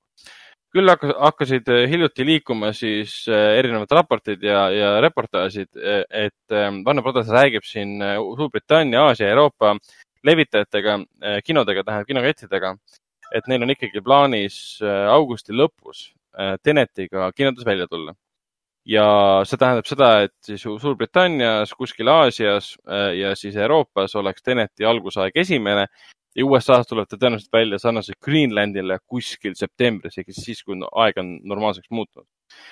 ja see on selles mõttes üsna esmakordne, kus on selline blockbuster film, tema esilinastust ei ole Hollywoodis, ta alustab kohe Euroopas ja alles siis esilinastub kuskil mujal. Et see on üsna tavaline, et Mar Marveli film tuleb meil nädal aega enne näiteks kui, kui, kui USA-s. aga see on ebatavaline, et sellesama filmi esikas pole Hollywoodis ära olnud, tavaliselt on olnud. ja nüüd seda ei ole aga samas kõik on, kõik on veel väga ebakindel, et äh, kas see Teneti suhtes hakkab tõele vastama või mitte. no Euroopa mõttes tundub, et see on, äh, tundub, et see võib isegi tõele vastata. et kui ta tõesti nüüd. see ei ole ametlik, see ei ole mitte mingil juhul. ei, kindlasti mitte ametlik. Räägitakse, et see saab olema siis kuskil kakskümmend seitse, kakskümmend kaheksa august, mil see film peaks välja tulema, et väidetavalt siis öeldakse neile kinodele, et olge valmis selleks kuni see teade nagu ametlikuks muutub. eks vaatame, mis sellest saab, aga antud juhul, mis neil muud üle jääb? sest hiljuti näiteks äh, Train to Busani järg äh, Peninsula, mis tuleb neliteist august Eesti kinodesse. jess! alustas Aasia kinodes ja teenis avanädalavahetusel vist mingi kakskümmend miljonit dollarit, mis põhimõtteliselt andis märku väga paljudele levitajatele, et me peaksime muudes äh, piirkondades juba filmidega alust-, filmide näitamisega alustama, et me ei pea ootama USA no, järele. Pole mõtet ennast kinni hoida USA pärast jah, et vähemalt tuli mingi raha sisse, sest noh, kujutad ette, stuudiod ka praegu istuvad lihtsalt vaikuses mitu kuud juba lihtsalt ükski stuudio ei teeni midagi. kõigil on näpud lihtsalt üleval ja. jah, ja kõik rahad kuluvad lihtsalt konstantselt ja kõige naljakam või kurvem on näiteks, mis puudutab Quiet Place part kahte, Kena vaikne kohaka kaks, mis pidi tulema märtsis yeah. kinodesse, siis lükati märtsist edasi septembri peale ja siis lükati septembri pealt edasi nüüd kuhu? järgmise aasta kahekümne kolmanda aprilli peale. selle filmi juures oli mingi väga suur osa eelarvest, produks-, selle mm, nii-öelda äh, levituse eelarvest ära kulutatud juba, et märtsi peale reklaamida. eks kogu see raha läks tuulde. No välja arvatud see, et see reklaam tegi oma töö selle koha pealt, et rahvas teab, mis asi see film on, me kõik ootame, millal ta lõpuks kinno tuleks. aga. see, see film jääb mulle igavesti meelde, sest ta ju äh, lahkus. nädal nädal, nädal ja. pärast, see, tähendab, ta pidi linastuma nädal pärast eriolukorra väljakuulutamist jah. et jah, see oli küll kurbuskuubis nii-öelda, nii kahju, et see nii kaugel nüüd on. Et Tenet ei ole muidugi sugugi need suurtest filmidest nagu ainus, mis korduvalt edasi on lükatud. et äh, Top Gun Maverick pidi tulema nüüd siis, äh, pidi tulema nüüd siis juulis või suvel pidi välja tulema. lükati vahepeal siis kahekümne kolmanda detsembri peale ja nüüd lükati edasi siis järgmise aasta teise juuli peale. mis on jama. jama on sellepärast, et filmi võtted on pooleli ja Tom Cruise'i need isiklikud plaanid ei läinud kokku selle võtete plaanidega, nüüd jätkati võtetega ja nii edasi mm. -hmm. see on kõik väga kurb. Disney andis teada, et avatar, avatari järjed on jälle edasi lükatud. et me teadsime, et Avatar kaks pidi esialgu, esialgu tulema, tulema kaks tuhat kakskümmend üks, nüüd tuleb kaks tuhat kakskümmend kaks, Avatar kolm pidi tulema kaks tuhat kakskümmend kolm, äh, nüüd tuleb kakskümmend neli, Avatar neli pidi tulema kakskümmend viis, nüüd tuleb kakskümmend kuus ja Avatar viis pidi tulema kakskümmend seitse, nüüd tuleb kakskümmend kaheksa. ehk siis. nii kauge tulevik. me teame, et Avatari järjed on reaalsed filmid, ma olen juba võttest, võtete pilti näinud, aga mul on vaikselt tunne, et kui sul on mingi varsti kakskümmend aastat möödas esimese filmi linastumisest, siis nagu okei okay,, nii palju veel ei ole noh, see Aa... avatar on nagu omaette nali juba vaikselt, ilma edasilükkamiseta. Et no see ei puutu enam asjast. sest järjest on juba, juba ju räägitud äh,, issand, aastast kaks tuhat kümme. Äh, jah, millal see film välja tuli, kaks tuhat üheksa tuli esimene? jah, kaks tuhat üheksa tuli esimene. jah täpselt jah, kaks tuhat üheksa. ja sellest ajast saadik on siis sellest räägitud, et tuleb kunagi järgi. jah et, et noh, pandeemia tõttu lihtsalt see ootusärevus, ma ei tea, kas ootusärevus enam inimestel üldse on, sest see on nii vana, vana film juba, et selleks ajaks, kui ta tuleb kaks tuhat, väidetavalt siis kaks tuhat kakskümmend kaks välja, on juba mingi kolmteist aastat möödas. see kindlasti ei ole rekord, ma arvan, et järgede vahel on olnud kindlasti pikemaid aegu kui see. peakski välja uurima, mis see, mis see periood olla võib. Uh, mis veel Disney edasi lükkas, olid uh, Star Warsi filmid. Uh, neil pidi, pidi tulema juba siin vist kaks, aastast kaks tuhat kakskümmend kaks esimesed Star Warsi filmid, aga kõik filmid lükati aasta võrra edasi. et need on siis mm -hmm. Äh, kolm uut Star Warsi filmi äh,. me ei tea, mis keegi ei tea, mis need üldse on ja, et ei. nagu raske on nagu üldse reageeridagi. me lihtsalt teame seda, et Disney pani kirja kolm äh, kuupäeva, kolm aastat, millal tuleb järgmine Star Warsi triloogia välja ja me ei tea, mis see triloogia endast kujutab, kes seda lavastab. aga nad tulevad siis kaks tuhat kakskümmend kolm, kaks tuhat kakskümmend viis ja kaks tuhat kakskümmend seitse mis avatari suhtes õnneks väga kokku ei lähe. äkki läheb küll? Uus Star Warsi film tuleb välja, uue triloogia esimene film tuleb välja samal ajal kui ah,. ei ole hea, see on vana avatari kuupäev. ehk siis avatarid on väga mugavalt paigutatud niimoodi, et Star Warsiga kokku ei lähe mm. -hmm. no ikka, ikka. mis, äh, mis siis veel? Mulan, mis pidi augustis välja tulema, see on siis Disney live action film, mis põhineb nende enda animatsioonil pidi augustis välja tulema, lükati edasi vahepeal, nüüd lükati edasi niimoodi, et uut kuupäeva talle ei antud. Siin suvel linastuma pidanud äh, The Personal History of David Copperfield äh, liikus vahepeal kahekümne kaheksanda augusti peale. see on siis äh, Armando, ei, jah, Armando Iannucci uus film Armand,. jah, täpselt, kus siis Dave, Dev Patel ja, ja äh, issand. Tilda Swinton oli ka äh, mängijad peas on Äh, huvitav on äh, see, et Surm Niilusel liikus kaks nädalat edasi oktoobrisse kaks tuhat kakskümmend. Jah. mis on jõle kummaline, mulle küll tundub, et see sinna ei jää, sest äh, tõstke käsi, kes teab midagi tulevase filmi Surm Niiluse kohta. välja arvatud see, et see on siis äh, mõrv Ida-Egiptuses järg. no reklaami, reklaamikampaania pole veel alanud. see treiler no, tuleb. treilerit ei ole, film tuleb oktoobris välja august on kohe käes, film tuleb oktoobris välja ja mitte mingit infot pole mm.. See on umbes sama nagu selle Conjuring uga, Conjuring kolm oli septembris ja lükati edasi, et noh. minu jaoks oli see loogiline, et millal nad selle lõpuks edasi lükkavad, siis mis see teeb seal üldse. treilerit mm. pole, midagi pole, tühjus. see oli jah, selline ootamismäng. mina, mina olen õnne, mina olen õnnelik, et äh, Disney andis lõpuks äh,, see on siis Foxi film tegelikult, jah, Fox, endine Fox Searchlight, Searchlight et Antlers sai lõpuks kuupäeva. Äh, see on siis Scott Cooperi, see on siis see mees, kes lavastas selle Crazy Hearti ja Out of the Furnace'i. ja nüüd ja ta tegi Black, siis oma Black, Mass. Black Massi ka jah, Johnny Deppiga. nüüd ta tegi oma karjääri esimese õudusfilmi, mis treilerite põhjal nägi nagu siga creepy asi välja mm.. ja see pidi ka nüüd kevadel tulema ja tema oli kõik see aeg täiesti kuupäevata. nüüd on tore näha, et ta veebruaris ikkagi tuleb jah, nüüd kaks tuhat kakskümmend üks veebruar. Ja Ridley Scotti uus film lükati ka edasi, The Last Duel. kes, kes seal peaosas olid, ilgelt suured staarid, ma kohe pean seda kontrollima. film pidi esialgu välja tulema nüüd siin kaks tuhat kakskümmend jõulude ajal, nüüd ta tuleb välja siis kaks tuhat kakskümmend üks, viisteist oktoober.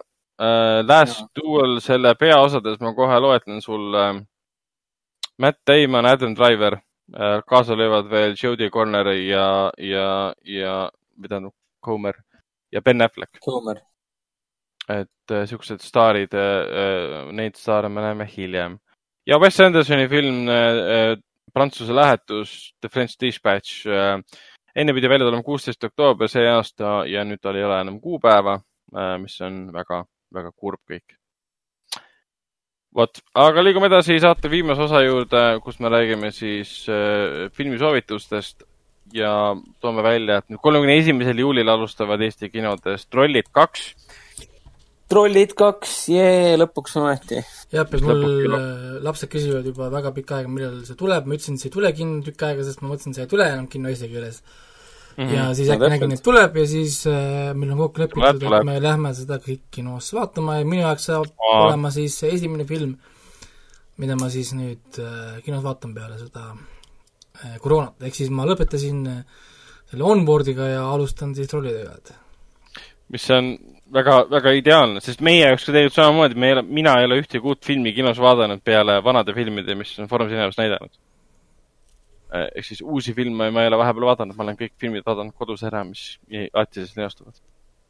aa, no sest ma programmijuht, okei okay,, jah, muidugi. mis on, mis on kurb natukene küll, aga. ja ta, ma juba olen lastega kokku lepitud, et äh, Trollid kaks tuleb ja sellest mm -hmm. saab mhm. olema ka siis esimene film, millest ma nüüd kirjutan siis üle väga pika aja et nüüd on olnud päris mit-, mitu kuud vahe, kus ma ei kirjuta, pole kirjutanud ühest filmist sarjast, siis nüüd trollidest jälle kirjutan ja et äkki hakkab siis mingi rütm jälle tagasi tulema nii-öelda äh, filmide koha pealt ka, et noh, ma loodan ka, et äkki, äkki, äkki trollid ja mis iganes siin, mis oota, mis lastefilmides veel tuleb see suve, kas tuleb üldse või?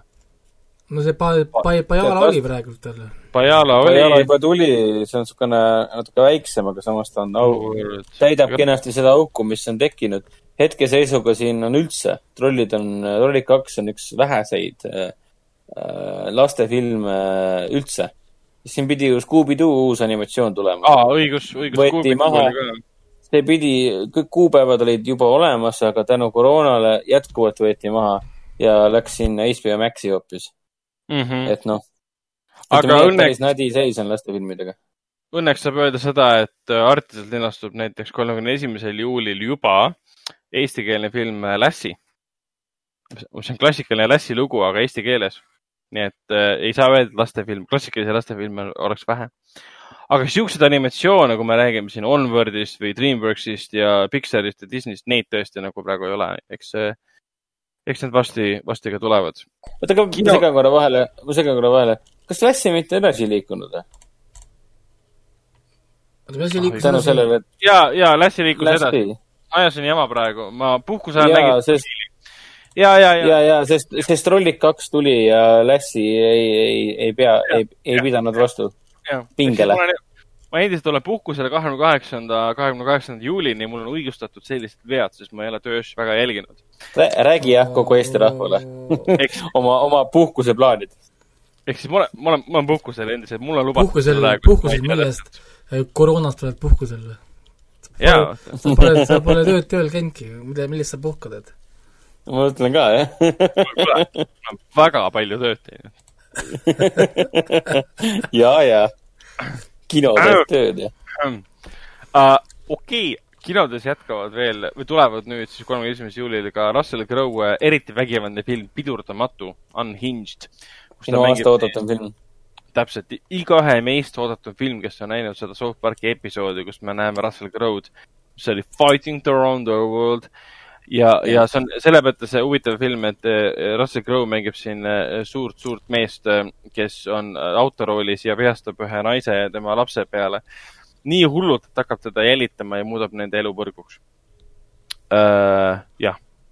aga seda teeb Russell Crowe, nii et see on suurepärane näitleja. et Russell Crowe'ga seoses praegu näiteks hiljuti sai kakskümmend aastat täis uh, Russell Crowe siis Gladiatorist. Gladiator ise on praegu Netflixis olemas, kes pole filmi näinud, kindlasti võiks seda vaadata. ja. Netflixis praegu või? jah nice., Gladiator on Netflixis ja, ja siis kinodes tuleb ka, ka siis kolmkümmend üks juuli Sõjakummitused Ghosts of War, mis rääkis nüüd, mis sõduritest, kas need olid konkreetses teise maailmasõja aegsed sõdurid, kes äh, natside eest põgedes, põgenedes satuvad ühte äh, vanasse suurde majja ja seal ootab neid ees muidugi tohutu suured äh,, veelgi suuremad õudused, mis ootasid neid ees ennist. treiler.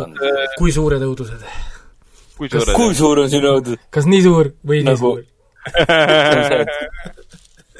Kui suur on õudus, tule näita, kui suur see õudus oli, tule näita mulle. Tule näita näpuga, kes see hirmutas? Ma juba kardan aga ei, treileri järgi nägi päris, päris äge välja, sest selliseid lugusid, kus teise maailmasõja ajal sõdurid võitlevad kummitustega nüüd väga palju ka ei ole. huvitav äh, fakt, filmis on... mängib ka Billy Zane oo, Bill Zane on nagu uuesti tagasi. Billy Zane oli see tüüp, kes mängis, see, kes Titanicust äh, närvi läks ja kes mängis ka seda Fantoomi või? no ta mängis näiteks selles äh, Tales from the Crypt filmis mängis.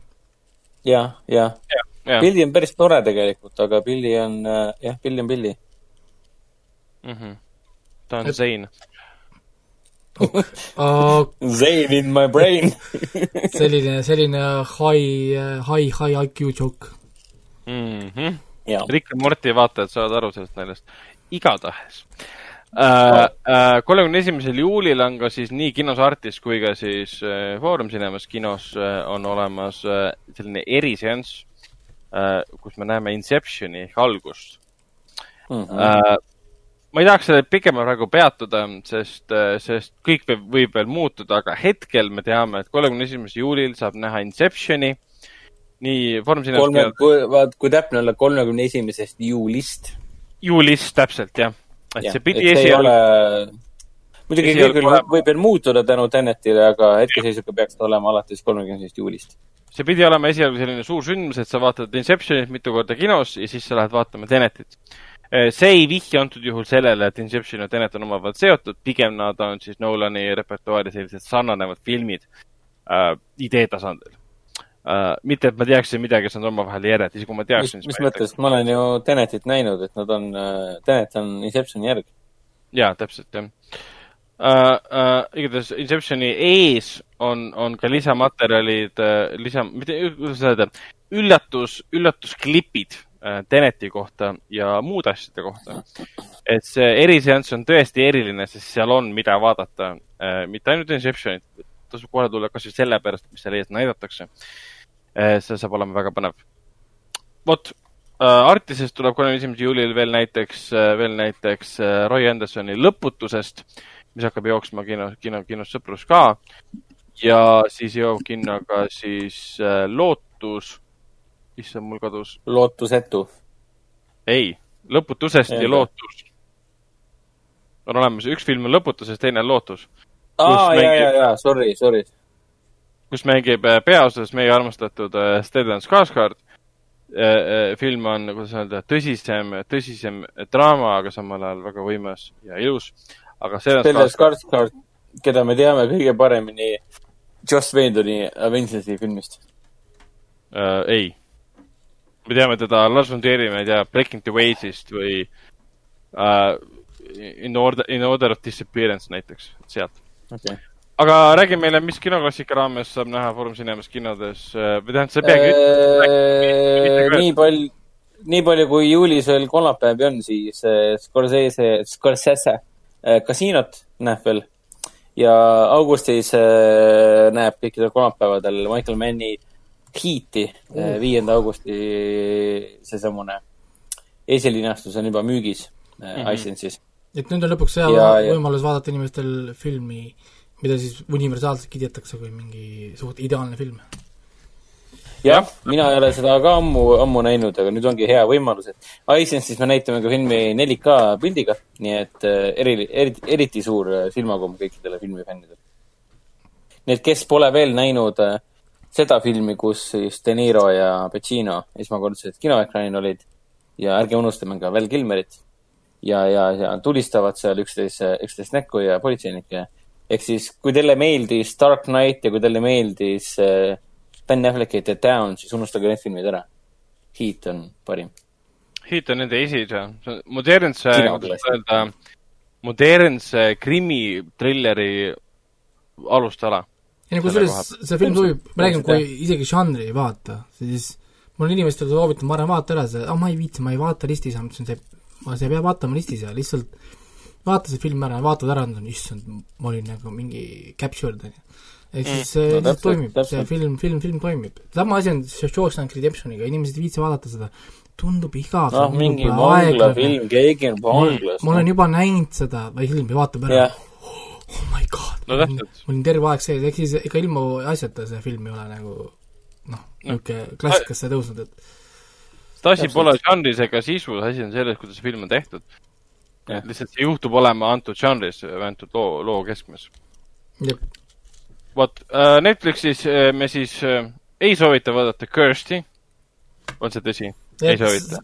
Eestit võib skip ida selle, ärge hakake vaatama, sest kui te vaatate, siis Netflix saab aru, et see on midagi head, te tahate seda näha veel ja tehakse hooaega asju juurde, kui see võiks tegelikult nüüd jääda nii, nagu ta on ja nad võiks Praegu- hoopis teistele asjadele ja teha hoopis midagi muud, et Mhm. Google kuulab kindlasti meid pealt praegu ja siis ta müüb selle info Netflixile ja Netflix praegu valmistab juba pressiteadet, et teine hooaeg on kinnitatud. ma üldse ei imestaks selle üle, et äh, sest äh, Netflixi läbi aegade top kümnes või siis viiendal kohal oli see äh, see reality tv, see mingi Too hot, too hot to handle või midagi, ehk siis Aa, mul, mul, mul ei ole väga suurt usku ja lootust, et, et Netflixi Oh, keskmine jah., keskmine vaataja teab, mis asi on kvaliteet, et ma püüdsin ka seda vaadata, ma selles podcast'is olen maininud ka seda, aga see oli siuke ajusurm, et ei, palun, miks? aitab. Mhm.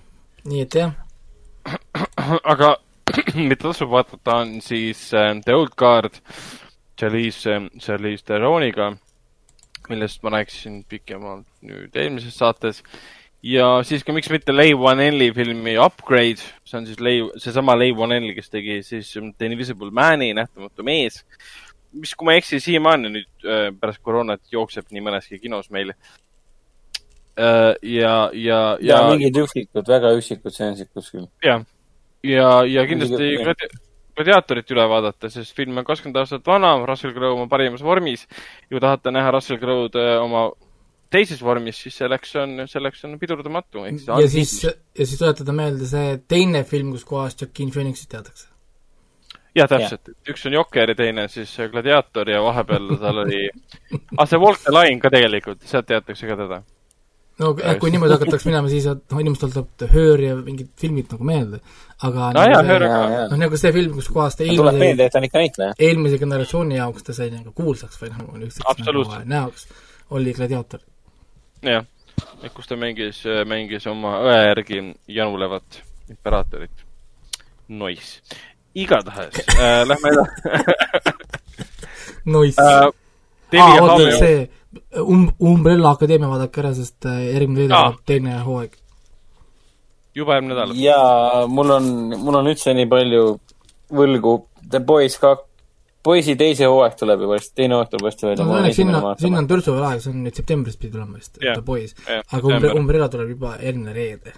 nii et sci-fi fännid, kes armastavad superpowers äh, asju, Umbrella Akadeemia esimene hooaeg kohe. Mhm. okei, ma Võtame siis ette. äh, vaatan oma puhkuse ajal ära. kindlasti uh,, ma proovin uh,, ma proovin, Raiko. HBO-s endiselt soovitan vaadata Barry Masoni, mis, mis, mis on väga palju kiitust saanud, kuigi tema esimesed episoodid on olnud aeglased. Amazon Prime videos endiselt soovitan The Boys'i, mida Hendrik juba mainis, sest selle uus hooaeg tuleb, tuleb septembris. Seal on ka muidugi see Joseph Gordon-Levitti seitse tuhat viissada, seal on Little Fires Everywhere. seal on äh, palju sarju ka, neil just tuli jälle sarjade list uuenes. ah, no vot, et kui tahate, siis äh, hea Liis Viisas, võtke see Prime video newsletter endale. Mhm. pange sealt, et te olete seal nõus, ta, ta annab sulle sinu enda regiooni newsletter, see on üks väheseid kohti, kus kohast sa saad reaalselt näha, mis on sinu jaoks nähtav, mitte mida Prime video näitab mingi globaalselt, mida sina üheksakümmend protsenti sa ei näe, sest sa pole õiges regioonis, vaid sa reaalselt näed asju, mida sina nojah muidugi. ja see on päris huvitav, sest muidu on kogu aeg neid uudiseid, et uus seriaal ja uus seriaal. et, et sa muidu saaksid teada, näiteks siin tulevad mingid vanad sarjad, viskavad sulle sinna sisse või midagi, noh nagu noh, et, et see on hea võimalus vaadata, sest enamus ajast Prime video mitte ei panegi seda originaalcontent'i, vaid nad noh, panevad neid filme ja sarju, mis tegelikult me oleme noh, kunagi näinud või kuskil mujal on jooksnud, aga nüüd on hea võimalus lihtsalt nagu uuesti vaadata lihtsalt vanu head asju mm. -hmm. täpselt. ja, ja Apple TV plussis saab endiselt vaadata Tom Hanks'i sõjafilmi Greyhound, üllatavalt ainult poolteist tundi kestev äh, sõjafilm, mis pidi tulema siin suvel kinodesse, aga osteti Apple'i poolt ära äh, Sony käest ja nüüd näeme seda oma taskutes või siis suuremalt ekraanilt kodus. ja inimesed kiidavad, väidetavalt hea film, nii et jätkuvalt ma pole jõudnud selle vaatamiseni. ma olen seda kolm korda alustanud kolm korda alustanud. ma olen jah niimoodi olnud, et iga, iga kord mul on tunne, et oh, issand, täna mul on aega. panen peale, jõuan mingi viienda minutini, siis tuleb mingi, midagi tuleb kohe ette nagu mingi instant. ehk siis kolm korda on olnud niimoodi ja nüüd ma julgen seda alustada, sest ma tean, et kohe, kui ma selle film, filmi panen käima, mingi asi kuskil juhtub, millega ma pean kohe tegelema. ehk siis mm -hmm. ma mhm. hoian seda nüüd, ma ei tea isegi, millist momenti ma ootan nüüd, et seda vaadata noh, arusaadav ka. aga võib-olla jah, imelik on see, et miks mina olin üllatunud selle peale, miks ta kestab poolteist tundi, ongi sellepärast, et sõjafilmid tavaliselt kestavad päris kaua. korralikult kaua. jep, ja eriti, mis puutub mingi teise maailmasõja asjadesse. jah -hmm. jah. Aga ma olen aru saanud, et lõikasid selle ebavajaliku klišeelise roosamanna draama välja ja ütlesid, et oi, sõda jah, jah. Tom Hanks mõtles, et ma elasin Covidi üle, nüüd on sõda. või siis nad tegid mm. tünga vaata, et film oli tegelikult kaks ja pool tundi, kuna aga Apple polnud nõus maksma täishinda, maksis ainult seitsekümmend protsenti vaata hinnast, siis ainult ainult ainult seitsekümmend protsenti filmist ja siis oleks üks päris kaval. viisteist minutit, need viisteist minutit pikad, need äh, lõputiitrid lükati välja. jah, jah. et see on, aga on kõik aga sellega ongi kõik ja saame saatele joone alla tõmmata. järgmine saade tuleb juba regulaarsel ajal, iga, iganädalaselt. loodetavasti, kui mingi ootamatu sündmus ei juhtu, koroona kaks näiteks või koroona kolm. Covid kakskümmend. Issand jumal, digimuutumine. et või mingi, mingi muu asi. Hendrik kadus viimasel hetkel ära, Hendrik viibib Võrus Äh, kui ta, kuna ta kasutab Telia internetti sarnaselt minule, siis äh, kui Telia mind kuulab praegu, äh, te olete üsna sitt ettevõte. ah, te, te ei levi kaugemale kui Tallinna linn? mul on, mul on uus, no täpselt, mul on uus ruuter, mul on konstantselt digitv jookseb kokku, mul konstantselt läheb internet ära. Ja iga kord pärast üheksat õhtul ehk siis ma ei saa enam neile helistada, tuleb automaatvastaja, sest pärast üheksat ei tööta enam. see on skeem, see on plaan. no ilmselgelt jah, et no mida ma sellest uuest, sellest ruuterist võtsin või miks ma kogu aeg jaman nendega, et võiks olla lihtsalt asi töötada. kas on palju palutud või mis on aga, aga mina olen selle koha pealt jah, nii kindla peal minev, mul on kodus kolm int-, kolm internetti. kaks tükki Elisalt, üks on Telialt, nii et mm see on skeem äh, ja ma võin sulle öelda, et kõik internetid mingil ajahetkel hakkavad äh, näkku panema. siis ma lihtsalt toorelt vahetan neti, ma lihtsalt võtan teise. okei okay,, see on päris kaua tegelikult, me peaksime äh, sama tegema. ehk siis, äh, ehk siis jah, mul on Telia hoolitseb minu siis digitv eest äh, suurem osa ajast, noh, ta on tavaline internet ka, Elisa mhm. üks on minu arvuti ja Elisa kaks on minu PlayStationid ja konsoolid. üldiselt on see tavaline standard selliselt siis. ehk siis me peaksime võib-olla tõesti sama tegema, et arvutis, arv-, arvutit ma saan kasutada, kasutada Elisa internetis ja digitv jookseks siis äh, Telia pealt. näiteks? eks Telia, kui sa meid kuulad, siis see on väga, väga konstruktiivne äh, kriitika, mis me siin jagame. et äh, aitäh sulle, et sa oled olemas. me siin paneme targemat, targemat kraami kui mõni äh,, mõni, mõni, mõni äh, digi või, või selle eri digitaalsed väljaanded. jep, nii on uh,. okei okay., aga ma arvan, et jah, tõmbame meedia, te kuulsite siit. et see ongi, see ongi, see on multitalented podcast, ärge ainult pi-, mõelge, et see on piiratud kino veebiga kuidagi. see on multitalented. ma olen, ma olen ikkagi püstiala koomik ka, et Hendrik nagu võttis mingi eraettevõtte, kes, kes, kes laseb ajakirja välja ja, ja kirjutab veebis, võttis selle ja viskas talle lihtsalt puid alla praegu. et äh, varsti me saame kuskilt, kuskilt nüüd kommentaari, uudise. no ma teen, ma teen seda podcast'i Võrust, nii et tõenäoliselt mul on mingi Võru õhk on pähe hakanud. mis see tähendab, mingi nagu vabaduse õhk? siin on lihtsalt väga hea õhk. seal on värv, värske õhk, see lööb, see lööb kõik, kõik, kõik asjad korraga lõkkele mm. -hmm. kõik, kõik lõõrid lööb lahti. aga selge, kuulge, aga järgmine nädal. jah, tõmbame alla ja näeme juba okay. järgmisel nädalal. no nii, tšau. tšau.